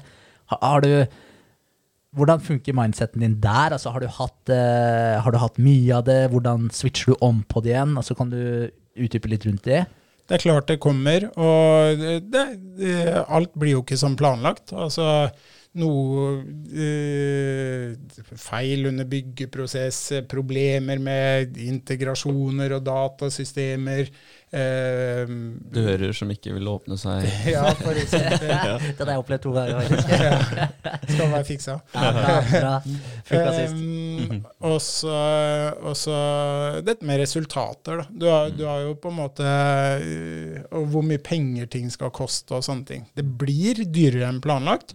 Og, og sånn er det, liksom. Og det er, uh, det er jo ikke morsomt, det. Altså, du, du ønsker jo eh, at ting skal være billigere enn du, du planla, og at uh, det bare skal skyte eh, fart fra liksom dagen etter. Men sånn er jo ikke verden. Og så må man rett og slett bare jobbe med å håndtere det, da. Og noen ting eh, er jo vanskelig, og andre ting er jo eh, lettere. Men eh, nei, man må på en måte være forberedt på, på mange problemstillinger. og Eh, hardt arbeid er hardt arbeid, det. Det er, det er ikke bare klokkeslette, det er vanskelige problemer. Ikke alltid ting du kan eh, løse, selv om du vil. Mm. Noen ganger så er det mange ting å løse, så du bare liksom ser ikke enden på det.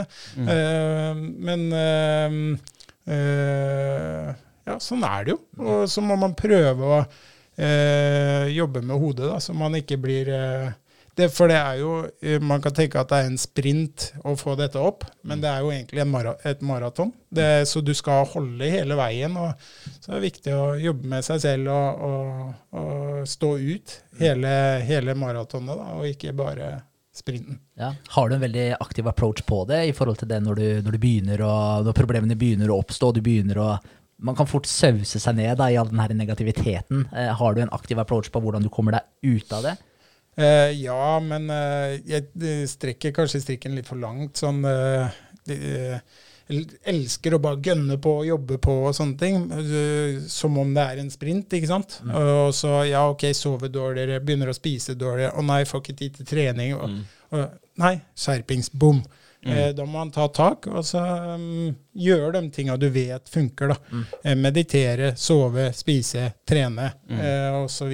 Mm. Ja, for du mediterer. Nå avbrøt jeg kanskje litt. går Men ja, var det det du skulle spørre om? du var? Nei, nei, jeg skulle egentlig bare komme med en ting som jeg har lagt merke til som Jamie er flink til da, når det er mye som skjer. Så har han en, eh, en actionplan eh, hver dag, som han skriver opp det som er mest prekært. da Som han faktisk strek, oi, streker ut når eh, hver ting har blitt gjort. Og det tror jeg er eh, en redning da når man har såpass mye som dukker opp i en eh, hektisk eh, hverdag. Mm. Det er en, et godt verktøy. Jobbe med de riktige tinga. Og, altså, hva skaper mest støy, problem? ikke sant? Ok, da må vi, Inngangsdør virker ikke. Den må Hoved- fikses. hoved- Ellers så ringer mange. yes. Ja. Ja. Ja. Men i forhold til meditasjon, hvor lenge har du meditert, og hvordan er rutina di der? Jeg er ikke så god på det. Eh, litt sånn utålmodig sjel, ikke sant? men jeg vet jeg har godt av det. Eh, så så eh, det går periodevis eh, for meg. Og eh, det, det blir eh, ti minutter. Eh, eh, for det har jeg lest skal eh, holde. Nei da, men eh, så, å komme godt inn i det, da kan man sitte lenger og sånn, men jeg er litt sånn utålmodig eh, kar også. Så, men eh, ja, eh, ti minutter, helst hver dag, er jo en drøm. Men eh, eh, fra Ja. tid til annen blir det. Men du er glad i å løpe, eller? For det- det er kanskje litt, litt din greie òg, og da kobler du av når du faktisk er ute og løper. Det er egentlig det mest slitsomme man kan tenke seg å gjøre. Mm. Så, og det å gå ut og ta en mil og stå igjennom, liksom, eh, på en tid du, du liksom som er uh, grei for deg, det, det er en bra greie. For det Ja, ja, men det er din tid, da. Det er noe med det. Yes. Ja, så jeg tror det fungerer veldig bra. Å bare ta seg en løpetur, og da får du Du tenker jo ikke på alt annet da når du er ute og løper. Da skal du bare stå igjennom det. da Det er det du, det er det du tenker på, faktisk. Det er veldig Ja, bra. så det fungerer, det. Ja, Helt klart. Ja.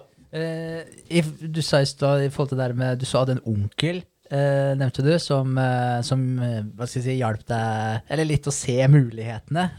Om, ikke, om han inspirerte deg, da, så du kunne se mulighetene. Og da var det sånn Oi, går det an også? Altså, når, når var det det skjedde? At du på en måte Litt den derre gardina ble eh, trukket for, i forhold til at det, går an å gjøre noe mer? Var det sånn, Forsto jeg deg riktig da? At det var den følelsen der du fikk? Ja. Ja.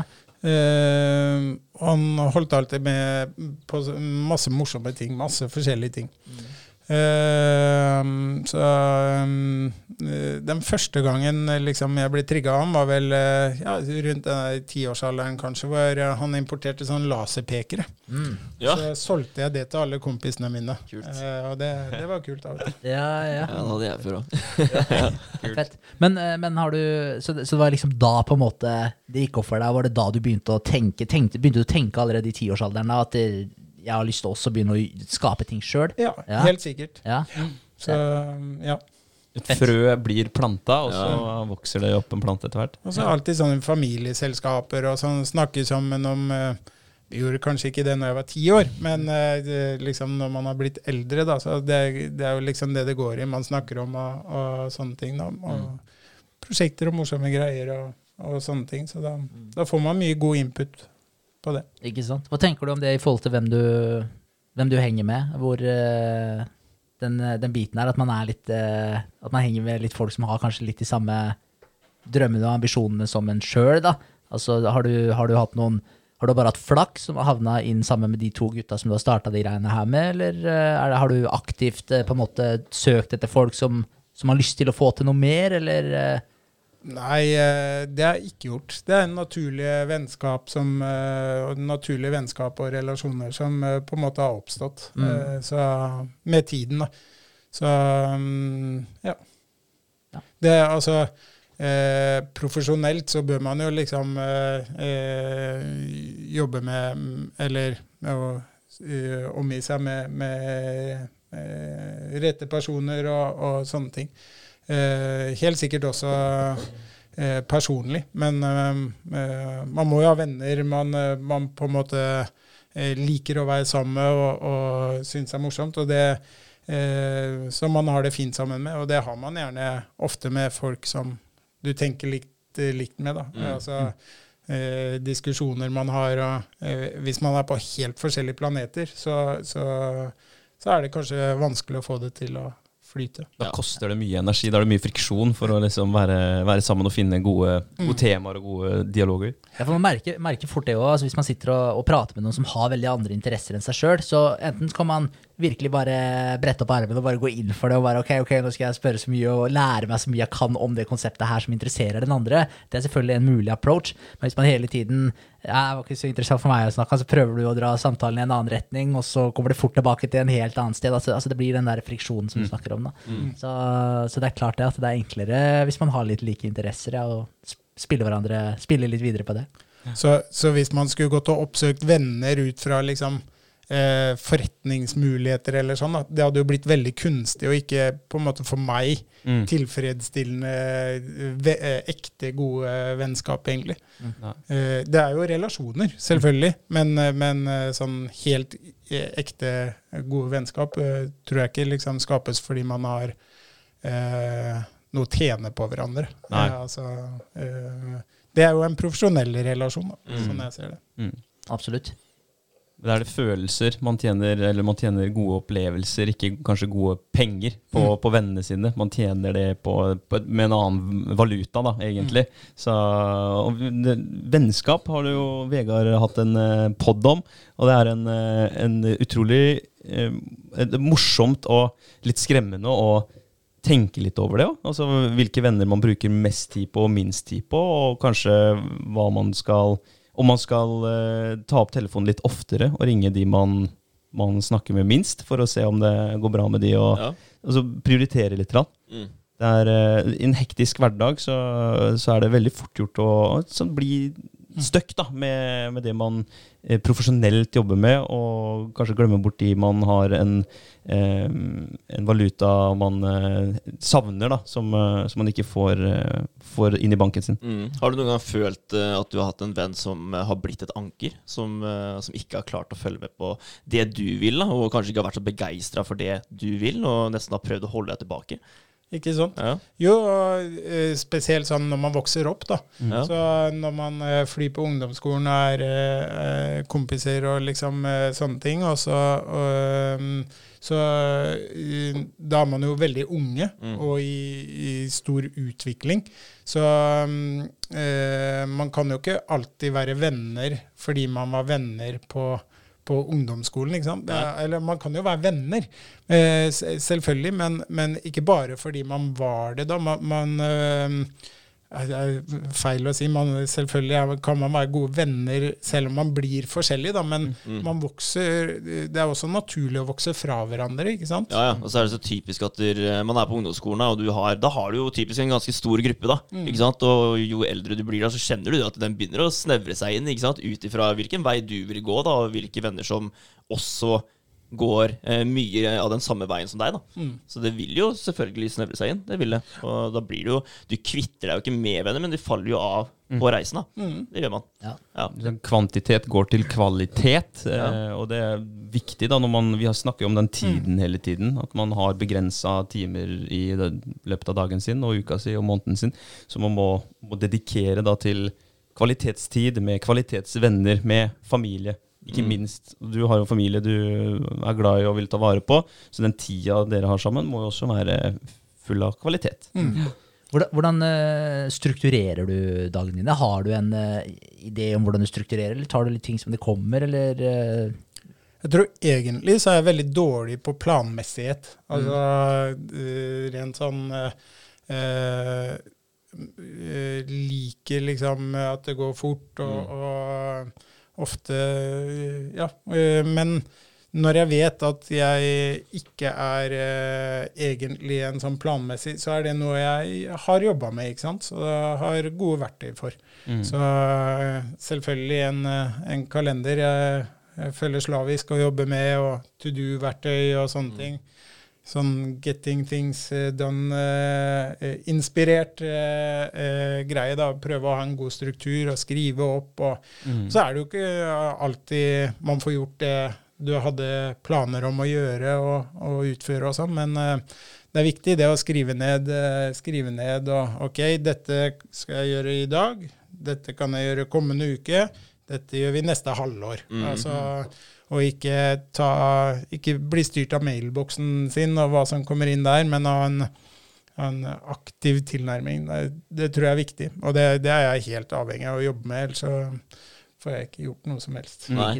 Er det noe du har gjort uh, lenge, eller har du starta med det nå de siste åra, mens du skjønte at du skal faktisk drive noe for deg sjøl? Har drevet eh, ting for andre, Mm. og an det er et veldig stort ansvar, ikke sant. Altså, så du må jo gjøre ting som, eh, som uh, eh, Ja, du må eh, gjøre det du skal, da. Ja. Og da må du organisere deg godt, da. For det er, det er mange ting som kan ta oppmerksomheten din når du kommer på jobb, liksom. Uh, så uh, Nei, det, det må man ha en aktiv eh, tilnærming til, tror jeg. Ja.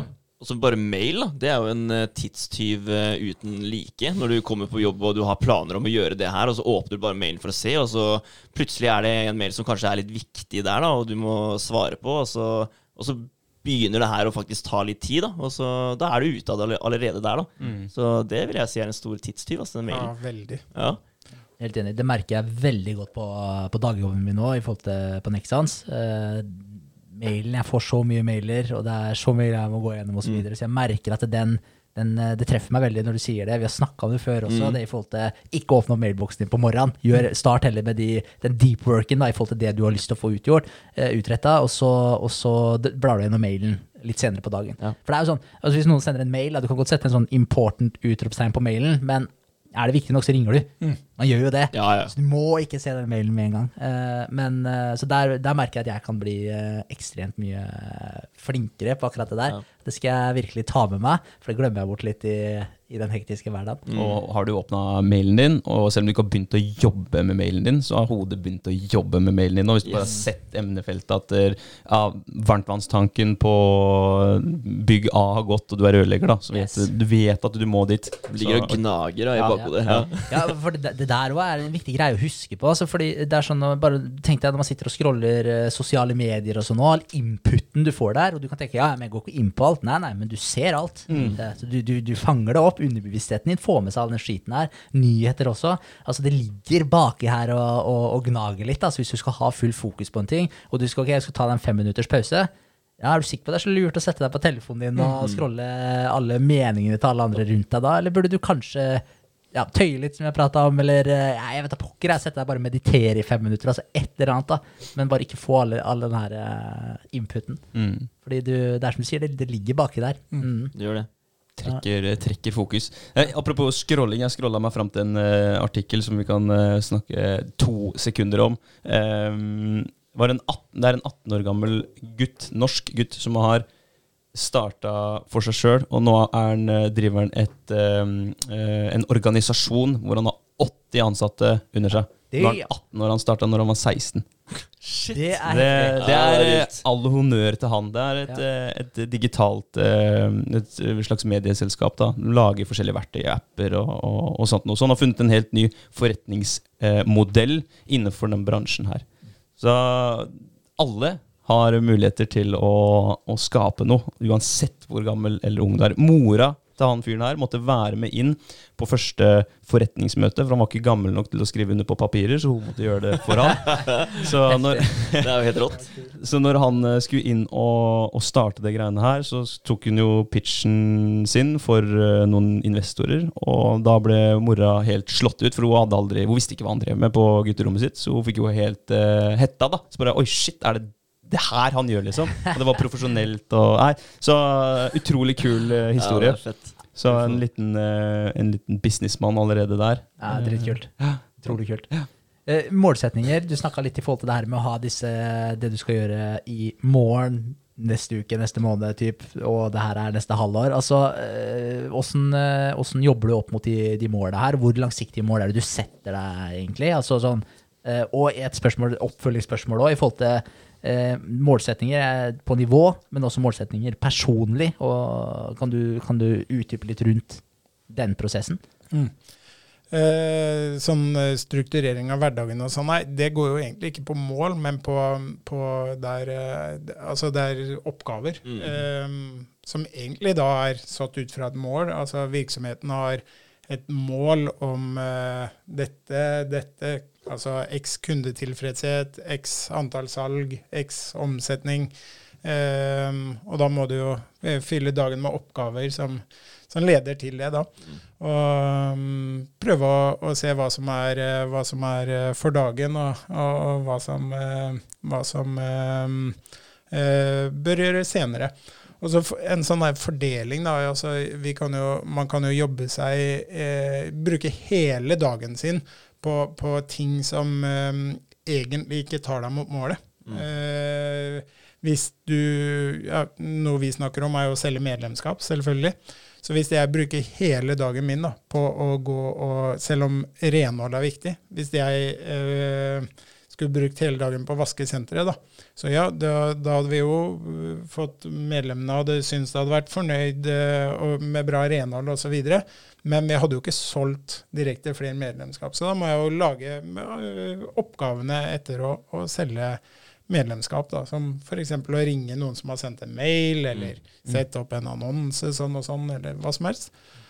Eh, og ja, eh, så de lange målene er jo eh, mer lange. Eh, Så dem har, jo, har man jo ikke et sånn så daglig forhold til. Med, se, selv om du har ledestjerna der framme, da, eh, så eh, Du tar jo valg mot den eh, ledestjerna. Mm. Eh, men det, hverdagen er jo der også, så det er jo litt sånn slalåm. Eh, og ikke bare rett vei mot den der store ledestjerna. Um, og personlig så, så um, Det har egentlig gått litt sånn på siden, altså. Ja. ja, det er lov, det. Ja. Men, men, ja. Knyttet opp uh, ditt personlige mål mot eh, virksomhetens mål, eller er det ja, omtrent? Ja, Ja. Det, så når man hopper i det og, og satser og gønner på og sånn, så da er jo det et personlig mål. Eh, og, og på en måte klare det man eh, har valgt å gjøre. Ja. Så, men eh, på veien nå, da, etter sommerferien, så jobber jeg med å ha litt mer balanse. balanse. Altså, for det er en kunst. Balanse, altså. Eh, rett og slett eh, en balansert hverdag, og prøve, prøve, prøve å jobbe med det. det Ja, det tror jeg på. Ja. Det tror jeg på. Uh, jeg vil ha et uh, kanskje siste spørsmål snart. Det begynner å bli, dra seg ut der. Men uh, er dere flinke til å faktisk eh, feire, altså milepælene? Altså når, du- når, når, du- når du kom over eh, det antallet medlemmene som dere hadde satt som, eh, satt som eh, ja, hva skal man si, et eh, Delmål. et delmål ja, ja, om å komme til. Altså når dere kom dit, da, og dere har kommet over nå, altså, har dere faktisk feira det? Altså, setter dere pris på det, eller er det bare rett videre til neste, liksom? Uh, man må være viktig og, Eller man må være flink til å feire seierne. Ja. Uh, jeg er ikke så flink uh, til det. Men vi, som, vi som team må jo snakke om det og feire det. Mm. Hver seier, egentlig. Men det, det er sikkert noe vi kan være flinkere til. Da. Ja. Jeg tror det er viktig altså, å sette pris på at man eh, faktisk har klart å komme dit man eh, har kommet. da, for da Ellers så blir det fort, eh, blir det, fort det, store, det store målet bare, ikke sant, som er der, enn alle de små delmålene da, som man faktisk klarer å ta. da. Godt poeng. Ja, Ja, for det er mange seire underveis. Det er det. Ja, ja, Veldig mange. definitivt. Ja. Så vi også kan jo bli flinkere der. Ja, vi kan men, det. er, ja, men det er vanskelig. Altså når, man har, når man har et svært mål som man ønsker å nå, liksom, så er det hele tida fokuset framover. Så den er, det er ikke lett, det heller. Men eh, definitivt uh, viktig, ja. Ja. Men det er man, setter, man, tar, man gir seg hele tiden en sånn liten uh, Man blir jo man blir, man blir, glad da, hver gang man klarer å komme dit man vil. ikke sant? Og det gir jo enda, en enda større motivasjon for å bare gønne på videre. ikke sant? Så det er veldig lett å havne i den. Det er det. Det er det. Men eh, nei, sette pris på det ass, og feire det litt grann, hele veien. Det tror jeg er viktig. ass. Det må man. Ja, Ja, det må man. Hvert eneste salg. Eh, plinge den bjella som man gjorde når man solgte bil. Eh, det, det gir en eller annen form for tilfredsstillelse. Det er et eh, lite signal til deg sjøl om at du har gjort eh, noe du skulle. da. Så det kan, eh, kan vi eh, introdusere en, på nivå. Kanskje vi skal ha en bjelle? Kanskje vi skal ha en bjelle. Ja, kult. Fett. Er det, ja, det er sånn at tida begynner å dra seg ut. Er det noe sånn på tampen, eller som, enten om det er noen flere spørsmål, eller noe du har lyst til å dele litt sånn på, på slutten her? Noe vi ikke kanskje har vært innom, eller eventuelt noe du har lyst til å utdype litt mer? Dere har spurt meg ut ganske bra her. Ja. så, så jeg, jeg har ikke noe sånn umiddelbart eh, på hjertet. Jeg, føler du det er noe jeg burde ha sagt, eller? eh? Nei, men jeg vet du hadde en litt sånn liste, da. Så du hadde en sånn kjøreplan. Du hadde forberedt deg, Javy. Ja, jeg, har gjort noen tanker basert på den eh, kjøreplanen som jeg hadde fått tilsendt. eh, Nei, ikke noe sånn eh, spesifikt mer å, å, å dele, altså. Nei. Eh, Bare um, syns det var veldig kult å få være her, og, og hyggelig at dere ville ha meg her. Og, og fortsette å gjøre greia deres. Så det er Ja, I like, i like måte. Like måte, ja. Ja. For uh, fortsett å gjøre greia di. Uh, det gjør du veldig bra, og veldig hyggelig at uh, du tok eh, din tid til å være her. Det er søndag, og jeg vet du skal hjem og ta på deg en, en rolle som er veldig viktig. Papparollen. Så det, det skal du ha lykke til med. Det er viktig kvalitetstid med ungene. Ja, Det blir bra. Definitivt. Det har vært eh, utrolig hyggelig og innholdsrikt å prate med deg. Så takk for at du ville møte opp her i dag. Ja, takk for det. Takk for meg. Takk for i dag.